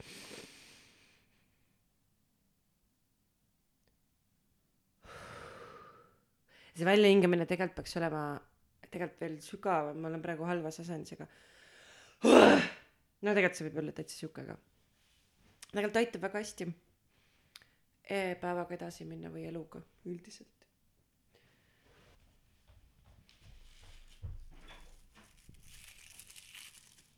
see on äh, raw paper. Eyes and smoking. Okei. Okay. kõik kes on äh, saunas või kuskil mujal see on ka mä- märk teile. Minna suitsupausile. See on nii hea personalized message. Kõik kes on saunas või kuskil mujal. Kõik ainult teile jah.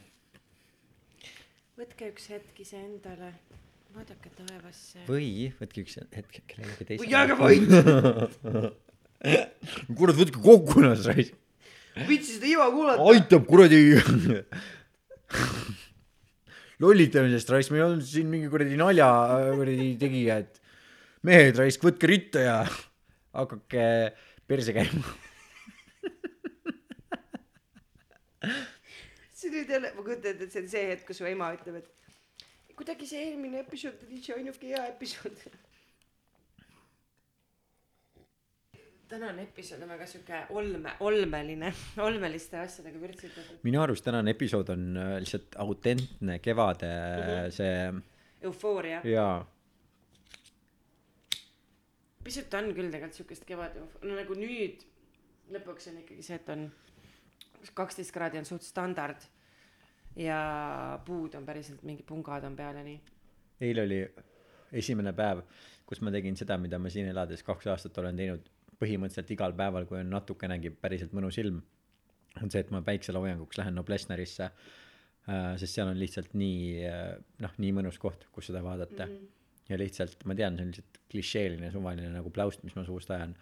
Aga lihtsalt vabandust ma olen selline inimene kelle jaoks nagu ilm see et on soe see et on värske õhk see et asjad on rohelised see et ma näen päikest see et mul ei ole külm see teeb mul lihtsalt nii rõõmsaks. Mulle lihtsalt nii väga meeldib see.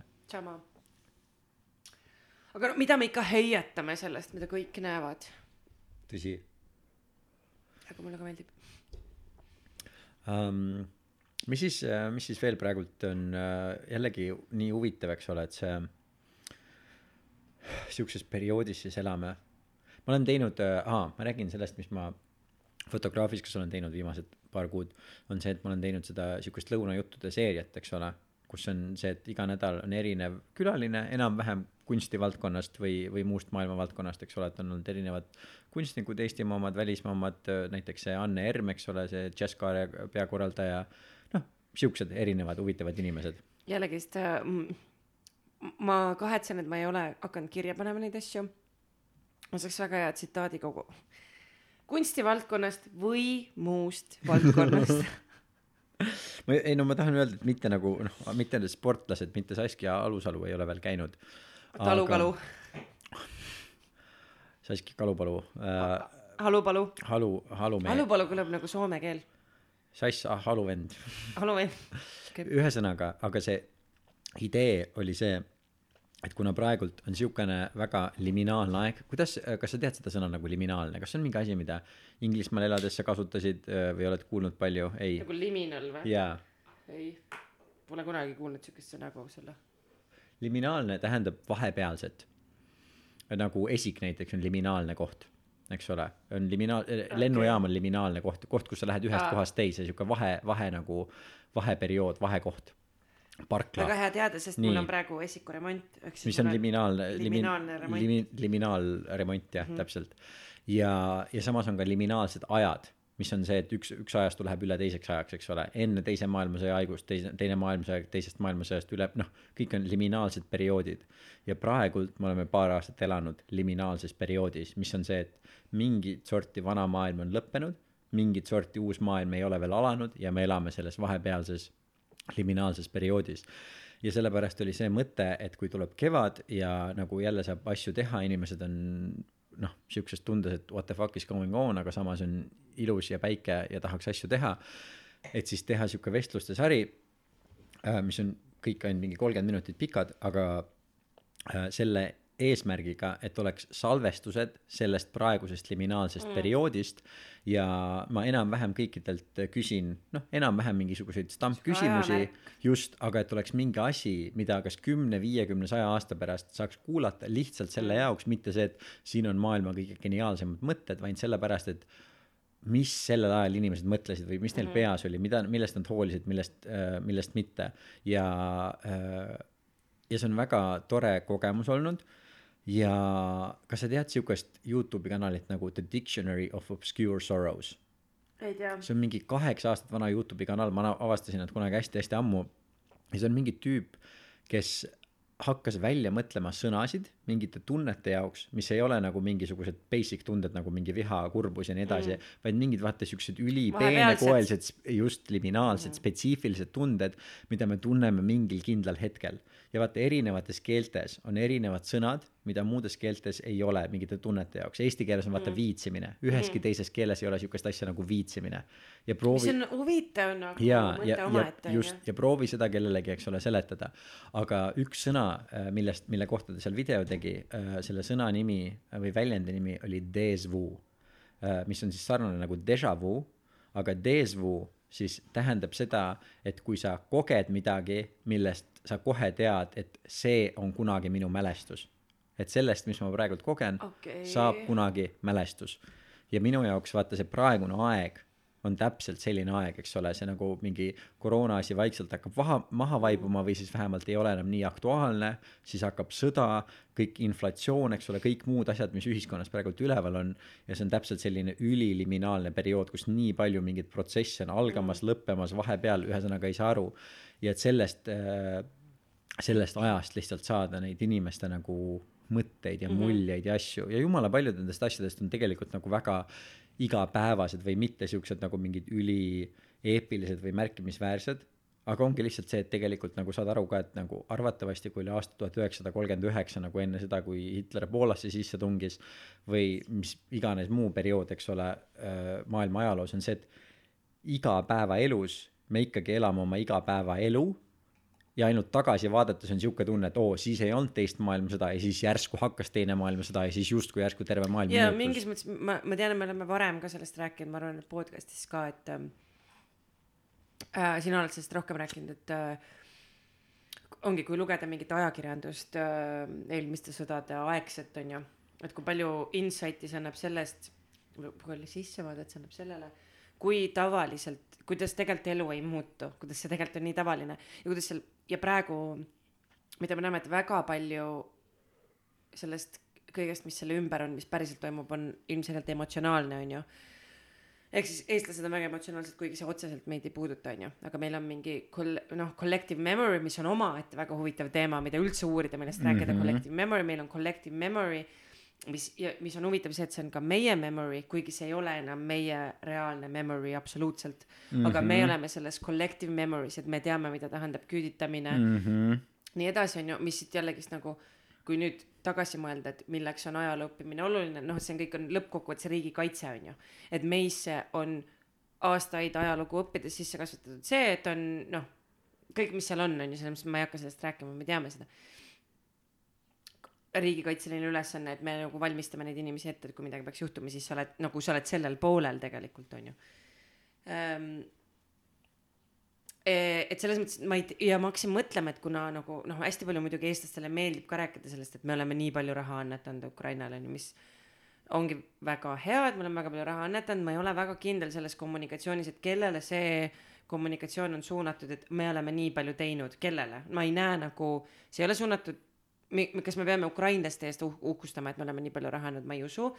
et see tundub natuke nagu, et me iseendale patsutame õla peale, et nagu aa, sa oled, sa tegid nii hästi, et sa oled ikkagi nii tubli see on olnud., kusjuures see on väga huvitav mõttekäik. sest et ma ei tea ja aga siis ma hakkasin mõtlema, et ma ei tegelikult ei tea, ma olen ajaloos tõesti nagu nii super kehv või nagu laisk olnud öö, terve oma elu või mul lihtsalt huvi puudus, et kas, kas siis Läti ja Leedu okupatsiooni alt vabane, vabanemine oli nagu teistsugune kui meil või et kuidas on siis juhtunud, et kuidagi meie või ma, ma ei tea, mis see Leedu ja Läti taustastory oli, ütleme üheksakümnendatel on ju, võrreldes meiega. ma tean, et nad on alati kuidagi majanduslikult, nad on alati nagu step behind us on ju, aga kuidas see nii läks bla,, blablabla, ma täpselt ei tea, ma enam-vähem aiman. aga just see vabanemine, ma ei tea, aga ühesõnaga ma ei saa aru, miks eestlased kogu aeg nagu on mingid, aa, me oleme nii tublid olnud, et et nagu mingi enda, selleks kuidagi paneme mõtlema nendele veits nagu mingi semi-esoteerilistele küsimustele, et mida me üritame endale tõestada. Eest-, ma mõtlen eestlane kui rahvus, et me seda kogu aeg räägime, et me wow. oleme nii palju annetanud, mida me Mul- mis on see, et meie hingetaak nagu. jaa, ma, mul ei ole mitte mingit vastust sellele, aga mulle see mõte iseenesest meeldib nii väga, sest selles on midagi väga kvintessentslikku, et kes me siis oleme või mis me oleme või mis me tahame mul on tunne, olla et. millest on palju räägitud, eestlane on sihuke, noh, ongi kannatajarahvas, vaata, me peame rääkima oma kannatustest, kas see on seotud sellega, et nüüd järsku meil on see tunne, et putsi, me kannatasime ka nii palju, te kannatate, või noh, et lihtsalt see läbi, läbi mingisuguse, see kannatus on isegi nagu ma ei taha, ma ei, kuidas ma ütlen, mitte et see on tehtud suuremaks, kui see oli, aga noh, juttu jätkub nagu kauemaks, mitte et selles oleks midagi halba, et kas siis ma mõtlen seda ainult selle koha pealt, et mis on meis erinevad kui Lätis ja Leedus. okei okay,, kõige. Aga ma ei- me ei tea seda. jaa, aga esimene basic asi, mis mul tuleb pähe, on see ja ma ei tea, kas on sellega seotud, aga on see, et Lätis ja Leedus on venelaste osakaal metsikult Suurem, palju suurem jah. kui Eestis ja ma arvan, et sellepärast võib-olla ka neil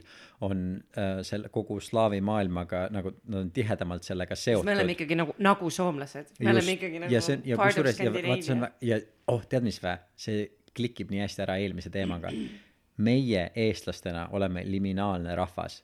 Sest vaata me näeme ennast kui see vahetala äh, Ida-Euroopa ja Põhja-Euroopa vahel. Me tahame olla Mm. Põhja-Euroopa just aga me tegelikult oleme me oleme Ida-Euroopa me tahame olla või samas Põhja-Euroopa on ka see, et me oleme nüüd ikkagi Euroopa, me oleme vähemalt Euroopa, me ei ole enam Ida-Euroopa. ja ja ametlikult kahe tuhande neljateistkümnendast aastast oleme Põhja-Euroopa, on Põhja-Euroopa noh just eks ole mis see on. Aga see on täpselt see et me elamegi me oleme nii liminaalne mm. asu kui sa geograafiliselt vaatad ka kus me asume eks ole. Me oleme reaalselt see nagu sidepunkt Põhja-Euroopa Ida-Euroopa Lõuna-Euroopa kõige selle nagu vahel me oleme see nagu no nexus ma tean, point. tohut- nagu see areng Eesti jaoks tuli ka sellest, et me, mis me, ma olen nii palju aru saanud. et kuna me oleme ka nii väike, kuna meil tuli see pangandus ja IT areng nii nagu vara näiteks võrreldes mingite vanade Euroopa riikidega onju, siis me saimegi selles nagu tohutu edumaa, sest et me alustasime nagu sa ei pidanud ümber muutma mingisuguseid süsteeme, vaid sa said nullist kohe, meil on kõik need teadmised maailmas olemas siit alustame, teeme onju, et kogu noh, miks Inglismaal on, miks on ikka veel mujal maailmas mingid tšekid ja mingid muud asjad onju, me lihtsalt mm -hmm. jätsime vahele kogu selle mm -hmm. perioodi. aga ikkagi Leedu ja Läti, ma ei tea, ma peaks Aga- uurima seda. jaa, aga ma arvan, et siin ongi see asi, et nagu, et see on jällegi füüsikaline reaalsus, et kuna me oleme selles kohas, kus me oleme geograafiliselt, siis ja kuna me oleme see vahepunkt Põhja-Euroopa, Ida-Euroopa, äh, aga ma lääne küsingi, et miks Läti ja Leedu ei ole siis sellised ei no sellepärast, et meie oleme kõige lähemal Soomele, Rootsile, Skandinaaviale no Skandinaavial, aga mitte Euroopale. aga meil on mere, meil on see mereühendus, eks ole. meil No on, meil on kõik just, eks ole, et meil on, meil on kogu see asi, et siis on kuidagi nii-öelda ajalooline paratamatus. no ja Reval on tegelikult keskaegsest ajast olnud väga edukas linn selles mõttes väga Mhm, ja jällegi, kuna see on kõik ju seotud mere Jaa., merekaubanduse ja kõige sellega, et siis ongi ajalooline paratamatus, et meie oleme need, kes nii-öelda vahendavad informatsiooni ühest kohast teise ja kes ka paratamatult on see, kes kõige esimesena hakkavad justkui liikuma ühe ideoloogia juurest teise ide- ideoloogia juurde. Ja sellepärast ka kogu see IT-areng ja nii edasi. ma arvan, väga õige mõte on see, et äh, Lätis-Leedus on vene nagu, nagu emakeelena siis kõnelevaid venelasi või ma ei tea, kuidas see on õige öelda ähm,, rohkem, aga samamoodi nagu praegu räägitakse Ukraina kaitsest on ju, et see on nii tugev lihtsalt sellepärast, et sa seisad oma kodumaa eest, kõik see psühho-, et see psühholoogiline mäng ja vastupidi ja just sõja, ma ei ole kunagi seda ajaloos ei õpetatud, et kuidagi sõjapidamise meetod, metodoloogia ja üldse kõik see, mis selle juurde käib, on ju. noh, et ja ma ei olnud kunagi mõelnud, et kui psühholoogiline see asi selles mõttes on, et nagu ukrainlastel on nii psühholoogiliselt nii palju suurem eesmärk ja tahe võidelda kui vene, kuna ja kuna Vene sõdurid endiselt arvavad, et nad on lihtsalt erioperatsioonil, ma ei tea, mis nad päriselt arvavad, aga ütleme, et see on see mm, üldine diskursus on ju. Neil ei ole mingit seda tunnet, et ma nüüd noh, ma võin surra oma kodumaa eest on ju, sest seda olukorda ei ole. et ka muudes asjades sõja puhul see on huvitav, ma ei ole kunagi pidanud mõtlema selle peale Mhm. või et ma arvangi, et sellepärast eestlased on nii palju siis nagu annetanud, et mu mõte oli kuidagi see väga pikaldane, et kuna me oleme nii väiksed, onju, mis meil on alati on see, et kuna me nii väiksed, siis kui sa oled väike, vaat sa, sa oled nagu chihuahua, noh, sa oled vihane mm. Mhm. -hmm. noh, kui sind on nii vähe, siis sul tekib et sul on see hundi veri tegelikult, sul on hundi veri tegelikult sees, aga sa oled, siis adrenaliini tekib sulle palju rohkem sellel hetkel, kui sa oled ohus, kui tekiks kellelgi teisel, siis sa pead palju rohkem nagu mm. -hmm. võitlema, onju.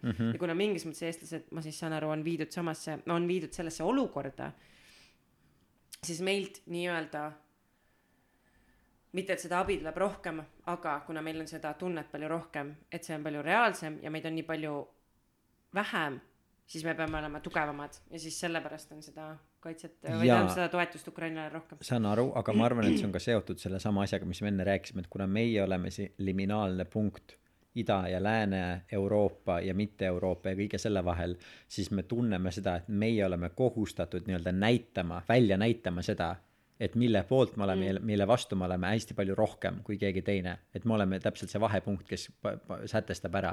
et see on see, millesse me, millesse me usume, see on see, mille eest me seisame, see on see, mida me tahame, see on see, mida me ei taha. ma ei, ma ei näe praegu otsest seda linki selle praeguse sõjalise olukorraga sellel hetkel, et me oleme see vahepealne rahvas, aga jah, seal kindlasti midagi aga ma arvan, et vaata see, et see, et see on alateaduslik. Tulenevalt jälle meie geograafilisest äh,, ega ma ikkagi, minu küsimus on see, et kuidas see eristab meid Lätist ja Leedust ja ma ei saa aru, kuidas sest jällegi erinevus. Läti ja Leedu ei ole, nad ei ole kontaktis äh, seal äh, Skandinaaviaga, nad ei no ole kontakt-, Läti on, sest et isegi Tallinki kruiisilaev sõidab läbi ei Läti,. aga nad ei ole, aga nad ei ole just, aga nad ei ole nii kontaktis, kui meie oleme, meie oleme rohkem, meie no oleme ma ei tea, see ees, tundub subjektiivne praegu mulle. me oleme eesrinne. selles ei, ma vaatan, kui sa geograafiliselt vaatad lihtsalt, siis Eesti oma kahe tuhande kahesaja kahekümne kahe saarega ja metsikult pika merepiiriga on rohkem sellega kontaktis. no võib-olla. ma arvan, et kui lihtsalt vaadata kaarti ja öelda, et nagu mis on see koht, mis see punkt on, mis sellist äh, nii-öelda vastupanu või sellist äh, ideoloogiat välja näitab, siis see tundub mulle loogiline, et küllap see on see koht, kus meie oleme.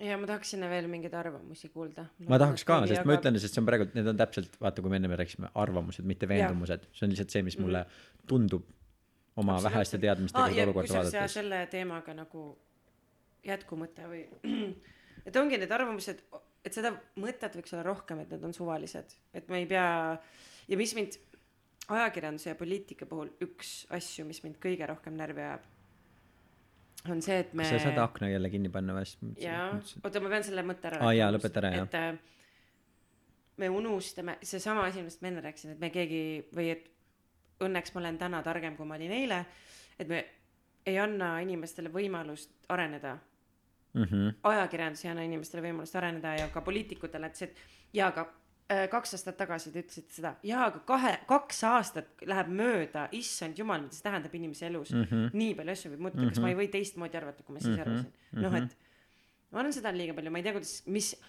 äh,, kuna kõigel on nimetused nagu whataboutismil, siis mis on selle asja nimetus mm, -hmm. ma tahaks teada. Äh, ma olen väga nõus äh, sinu mõttega ja noh, minu jaoks see klikib ka ära sellesse samasse kohta, et see whataboutismi asi on natuke minu jaoks sarnane kui see, et kui sa noh, a la nimetad kedagi, eks ole, vandenõuteoreetikuks, siis on see, et jah, sul on õigus, keegi võib olla vandenõuteoreetik, aga see ei tähenda seda, et ta ükskord sajast või viiesajast ei või öelda midagi, mis kuidagi päriselt öö, osutab millelegi, mis on päris mingisugune vaata probleem, eks ole. ja siis tekib see, see olukord, kus on see, et kuna keegi ajab mingit sitta kogu aeg suust välja, siis on see, et ka sellel hetkel, kus ta ütleb midagi mõistlikku või ütleb midagi kasvõi poolmõistlikku, siis me ei pööra sellele tähelepanu, sest me saame öelda lihtsalt, aga tema on vandenõuteoreetik või siis selles olukorras, aga tema on see, kes on whataboutism. teine asi, teine asi ja ma vihkan seda enda puhul ka, et me lihtsalt ütleme vaata neid suvalisi asju, et minna kuidagi nagu ma segasin sulle muidugi vahele ka, aga lihtsalt minna teisele teemale või vaata üleminekut teha, siis ütled lihtsalt mingi ühesõnaga. ühesõnaga, jah. täiesti suvalised asjad, jaa mingi mingi sense. liminaalsed sõnad. liminaalsed sõnad põhimõtteliselt. millega ma unustasin selle teema ära. edasi, tuleb kohe meelde. ühesõnaga Playboy, minu teine soolotund on äh, alates kahekümne kolmandast augustist kuni kolmeteistkümnenda septembrini äh, Heldekeses äh,. mitu show'd sa teed siis? Äh, mul on praegult äh, seitse seitse, okei okay.. ja oota, millest me just enne rääkisime, sest mul oli ikkagi väga huvitav point, mis võib olla maailma äh, ma tõin näite selle kohta, et, et kui me ütleme, et kui keegi on vandenõuteoreetik ja ta isegi on, siis üks kord sajast ta võib ikka öelda midagi, milles on mingisugune point, milles on mingi oluline asi, mida me peaksime kuulda võtma, aga kuna ta on nii palju öelnud sitta, no siis on seesama nagu see poiss, kes ütles hunt, eks ole, siis on see, et kui sa oled nii palju öelnud midagi, tead seda lugu, sa vaatad siukse näoga jaa, ma täpselt ei tea, millest sa praegu räägid. see kõige Poiss, kuulsam hunt. nagu allegooria üldse, kus on see, et äh, noor poiss jookseb külla ja karjub, et hunt, hunt, hunt, hunt, hunt, eks ole, ja kõik toovad oma nagu mingid karjad sisse ja pe- peidavad ennast ära ja mitte ühtegi hunti ei tule. Ja kõigil on see, et okei okay,, poiss valetas järgmine nädal poiss tuleb uuesti jookseb, eks ole, kuskilt metsast hunt, hunt, hunt, hunt, hunt ja kõik on see, et jälle tooge kari sisse, peitke ennast ära, hunt jälle ei tule.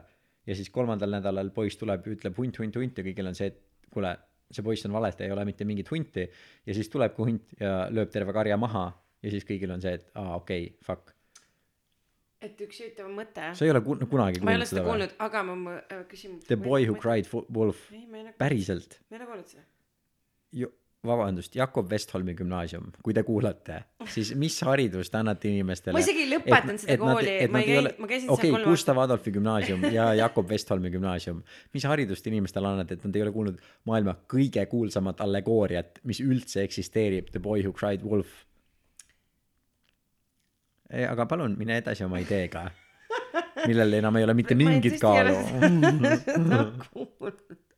et kuid-, et kust ja kuidas ja kas me peame lööma kiilu kunsti ja kunstniku vahele.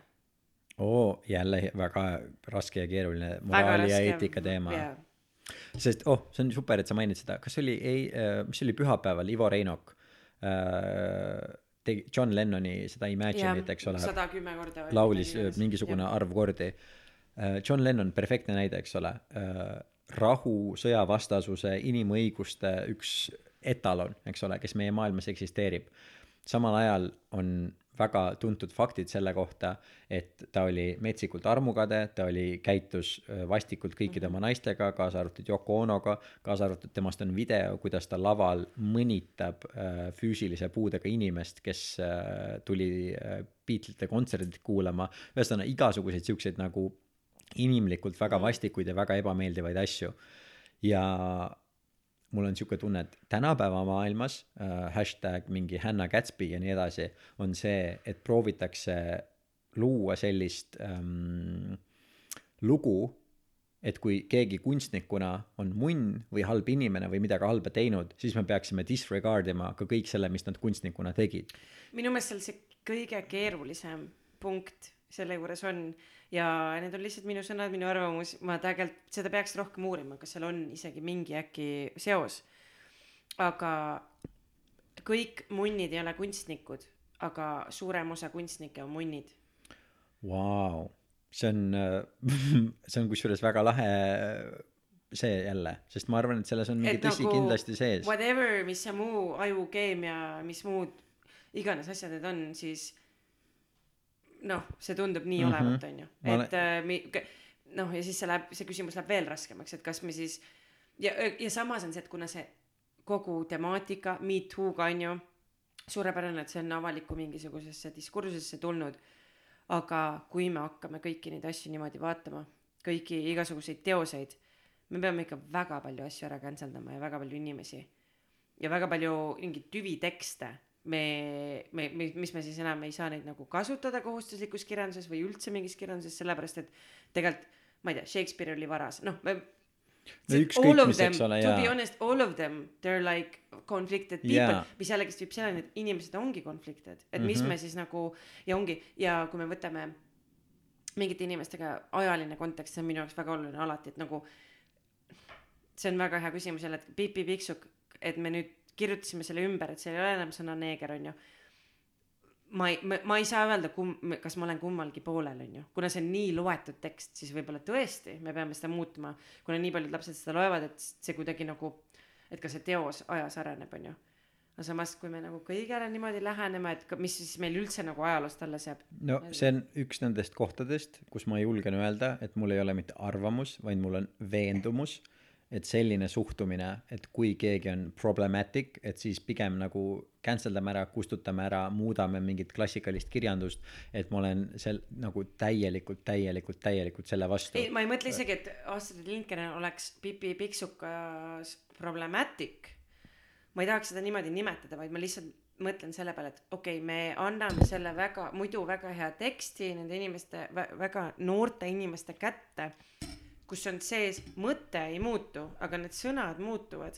et kas see siis, kas see nagu, et võib-olla potentsiaalselt see teeb maailma paremaks, et nende äh, kõnepilt ja asjad muutuvad paremaks, ma ei tea seda, aga ma mõtlen seda ainult lasteraamatute suhtes, ma ei mõtle seda kirjanduse suhtes, mis on mõeldud täiskasvanutele, kes täiskasvanud inimene peaks ise aru ma saama. just ja see on aga mida ma saan jälle ja ma ei saan tea. sinust jälle aru, aga siis seal ongi täpselt see, et aga kust me tõmbame piiri, mis kirjandus on täiskasvanutele, mis kirjandus lastele. Absoluutselt, ma olen nõus ja minu kõikide jaoks ja minu jaoks on see, et ükskõik missugusel viisil ajalugu tsenseerida on okei, okei, okei, alati vale. see, siis me peaksime jõudma sinnani, et me peame inimestele andma rohkem mm, haridust, haritust ja silmaringi, et nad mõistaksid, et äh, asjad on ainult asjad koos kontekstiga mm, -hmm. milles ja millesse nad on mm -hmm. loodud. vot nagu äh, kaks asja, mis ma tahtsin öelda, üks asi, et kui me läheksime seda teed, et tsenseerime neid asju, mis on tänases päevas meie tänaste väärtustega ei käi enam kokku äh,, kustutame nad äh, Tom Sawyerist ja Astrid Lindgrenist ja igal, igalt poolt mujalt, siis võiksime samamoodi küsida, et äh, okei okay,, võtame teise maailmasõja ja võtame selle, et okei okay,, lääs võitis teise maailmasõja. siis võtame peaksime- ajalooõpikud. nii, okei okay,, aga võtame nii, aga võtame selle, eks ole, et äh, lääs äh, ja need, kes meie näeme, et nii-öelda õige pool, hea pool võitis teise maailmasõja, kes ei olnud natsid, kes pooldasid demokraatiat, kes pooldasid naiste õigusi, võrdõiguslikkust, kõike seda ja nii edasi. no kas nad ikka. oota, no ühesõnaga seda ei, seda ei öeldud ka. ei nagu, aga no praegu, see on see, Nad kuidas me lihtsalt praegu, olid vabastajad. kuidas me praegult seda näeme. nii, ja siis ütleme seda, et jaa, aga kui me saame teada seda, et mingid nendest inimestest, kes võitlesid Eesti Vabadussõjas näiteks, kes võitlesid teises maailmasõjas äh, lääne poolt, et nemad isiklikus elus tegid ebameeldivaid asju, kas me siis nagu cancel dame ära teise maailmasõja või? noh, et kui lähme ekstreemsi sellega täiesti. see on jah suht ekstreemne. just, ja, ja sellepärast ma arvan ka, et see et nagu jah, ütle vahele ei, see ei ole vahele, see on täiesti uus teema, mis mind läheb ka närvi viimase aga, aga see on, aga ütle, sest ma juba unustasin ära, mis mu teine point oli. ma ei ole seda nüüd nagu mingi imepalju näinud, ega ma arvan, ma ei ole imepalju kursis ka. Vene sõdurite käitumise kohta hästi palju tõmmatakse letti nende emasid, mis on esiteks juba see, et miks mitte isad. Where those uh, fathers at nagu, kes peaks ütlema, et ei, kui sulle isegi su ülemus ütleb, et mine vägista suvalist naist, siis sa ei tee seda tegelikult, sest mm. -hmm. nagu what the fuck, vaata mm, -hmm. it's Mhm. not fucking decent behavior onju. et need on alati need fucking emad nagu ja see läheb ja ma olen nii noh, ma olen ikkagi mingeid Twitteri thread'e näinud onju ja lugenud, see läheb jumala nagu isiklikuks ja rõvedaks selles mõttes, et kui palju me seda vastutuse koormat nendele naistele paneme ja ma, ma ei saa öelda, et ma seda nagu mingi tunnetan nagu sada protsenti, aga mingi mõte on ikka peas, et aga mis siis saab, kui ma saan lapse ja temast saab psühhopaat. ma alati mõtlen oma vanaema peale, kõik need muud asjad onju. mis siis nagu ja siis tuleks ja siis keegi kirjutab kuskil Twitteris, et oi putsi kuradi sitt ema nagu mm.. Mhm. mis sest, et ma olen, ma olen teinud kõik, mis oli minu mm. -hmm. oskustes, võimu, võimuses ja nii edasi. Mhm. aga ma ei saa nagu päris sada protsenti või sada kümme, sada kakskümmend protsenti vastutada selle inimese ees, ees, eest, kes lihtsalt minust välja tuli, onju. Mhm. ja see on lihtsalt ja see ja mul on, kusjuures see on imelik, et sellest räägitakse ka feministlikes gruppides, mida ma jälgin, mida ma loen. et vau nagu, kui fucking patriarhaalne on selline suhtumine, et nendel emadel on midagi sellega seost, et nende lapsed läksid Ukrainasse ja varastasid pesumasinaid. Mhm. Mhm. et kuidagi need inimesed, kes neid seoseid teevad, on mingid, okei okay,, aga sa jätsid seitse tuhat seost sealt vahelt ära, mis sinna vahele Mhm, veel kuulub mm, mhm. -hmm. mida see mees on veel läbi elanud, kuidas nagu seitse tuhat asja on seal mm Mhm. -hmm. vahel veel, aga ei. kuradi emad, andke mulle selle ema nimi, ma kirjutan talle ja mm Mhm. -hmm. mida see, see naine, kuradi vene naine, kes on võib-olla ka vanem, vanem naisterahvas on ju, elanud selles propagandas terve oma elu Mhm. ongi täpselt see, et ta ju ei tea mitte midagi paremini. jah, ta on ju teinud, ta on oma poega mm -hmm. hästi kasvatanud, seisma oma kodumaa eest, nagu meie, nagu meid on kasvatatud, nagu meie eakaaslased kasvatavad oma lapsi, sa pead seisma oma kodumaa eest, Mhm. onju. et ja see on minu jaoks lihtsalt see huvitav asi, et nagu see tõde on ju, mis on nagu nii erinev, et et kui lihtne on näha, ma ei ole selles mõttes, ma ei, ma ei taha minna sinna vadavootismi ja sellesse, et nagu ma ei kui mõelda, kui me ei mõtle nagu sõjast, vaid me mõtleme kui inimestest hästi väiksel tasemel on ju ja mulle alati meeldib seal ette kujutada seda, kuidas Google Maps'isse vaata sa zoom'id välja, sa lähed lõpus kosmosesse, saad aru, et see väike inimene on nagu mitte sittagi onju mm.. Mhm. see on lihtsalt nagu tolmuterakene, nagu isegi väiksem kui pool Mhm. tolmuterakest maailmas on Mhm. um,. It's crazy, ma lihtsalt, ma ei, ma ei tea. Ma ei taha lapsi saada seal, ma lihtsalt tunnetan seda, kuidas mingid nagu inimesed kuskil nagu, et see on vale. jaa, ma saan, see on kõik jumala ilus, mis sa ütlesid ja seesama tuua paralleel meie maailma, eks ole, et kui me saame näha kedagi, et me näeme, et mingisugused sõdurid teevad kohutavaid asju, me hakkame süüdistama nende emasid, et kuidas te olete mingeid oma poegasid nii halvasti kasvatanud, siis toome siukse võrdluse, et kujutame ette, et kas kümne, kahekümne, kolmekümne, viiekümne aasta pärast keegi vaatab meie ühiskonda siin Eestis ja hakkab mingisugusele noorele emale, kes praegult on noor ema, ütlema seda, et äh, sul on laps, kes on nüüd täiskasvanud ja see laps on haige, tal on mitu erinevat, tal on mingid kopsuhaigused, tal on, ta ei saa lapsi saada, tal on hormonaalsed äh, tasa, tasakaalutused ja nii edasi. et äh, kuidas sina naisena said olla nii südametu, et sa kasvatasid ta üles linnas kus äh, su laps pidi imikuna iga päev sisse hingama mingisuguseid autode heitegaase ja mingit kuradi kummipuru ja jooma plastikust äh, lutipudelist, eks ole, mingit mikroplasti endale sisse. et kuidas sina, kuidas sina said nagu niimoodi teha, eks ole, et sul ilmselgelt ei ole südant ja keegi peaks tulema ja nagu mingi sulle alles nagu kuradi ühte ja teist, eks ole, tegema. ja sinul on see, et vabandust väga, ma olin ema ma kasvasin üles sellises ühiskonnas, kus mulle ei räägitud seda, et kui ma linnas elan, siis ma hingan iga päev sisse nagu mingit kuradi mikroplasti ja heitegaasi ja seda ja teist. ma andsin parima selle jaoks, et kasvatada oma last armastada, eks ole, hoolida ja nii edasi ja nii edasi. mul ei olnud õrna aimugi sellistest asjadest, mina kasvasin selles maailmaruumis, siukses Mm. maailmapildis ja tegin nende teadmistega, mis mul oli, parima selle jaoks, et minu laps saaks kõik, mis ta saab saada eks ole, ja nüüd keegi süüdistab sind selles, et vaata, mida sa värdjas tegid, vaata, mis on sinu lapsest saanud, mida ta nüüd teeb, mismoodi ta nüüd, ma ei tea, elab riigi kulul ja peab haiglas käima, sellepärast et ma ei tea, mis iganes terviseprobleemid tal on, eks ole. noh, ja see on täpselt seesama asi, mida me teeme kellelegi teisele, sellepärast et tema elab mingis kontekstis, mida meie näeme, et tal on seal suured errorid sees, aga tema ei saa seda teada, sest tema elab selle asja sees. temal ei ole seda kõrvalt pilti sellele, et kuidas mulle valetatakse, mis propagandat ma saan, mis on täielik bullshit, eks ole. mismoodi ma nagu äh, kasvatan oma järglasi nii, et nad usuvad asju, mis tegelikult ei ole tõesed mm. -hmm. ja see on jällegi, noh, keegi võib mulle selle peale ka öelda, et see on whataboutism, aga point ongi lihtsalt selles, et me kõik elame mingisuguse mulli sees mm. -hmm. Või mingis enda ja, ja ainult ja ja ainult tulevikus tagasi vaadates me teame seda, et ka, sest jällegi, lähme vanasse Kreekasse, Vana-Kreeka, mille põhjal kogu meie ühiskond on modelleeritud, eks ole, mis on kõik need kõige kõrgemad, vaata, väärtused, mida vanas Kreekas, filosoofia ja kunst ja arhitektuur ja kõik see. ja Vana-Kreeka üks põhitõdesid oli see, et ainukene intelligentne kultuur saab eksisteerida orjandusega et on inimesed, kes ei pea ise asju tegema, et sul on orjad, kes seda teevad, eks ole mm. -hmm. ja meie fantaasia, meie, meie ideaal on mingi ühiskond tegelikult, kus olid orjad ja teiseks noh, täielik pederastia, eks ole, mis on see, et kõige ilusam armastus, mis saab eksisteerida, on täiskasvanud mehe ja eelpuberteediealise poisi vahel mm. -hmm. jällegi, Vana-Kreeka. ja see on see asi, mida me noh, teeskleme, vaata, et aga umbes, et seda ei olnud või ärme sellest räägi mm. -hmm. ja see on jälle see, et meie tagasi vaadates suudame öelda, et mingid asjad on valed, mingid asjad moraalselt ja eetiliselt ei kõlba.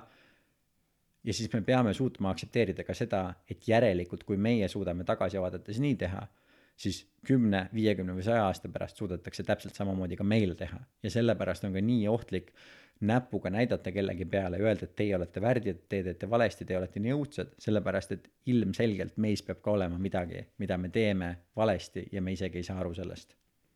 mis, miks sa näitad mulle seda? niisama. aitäh.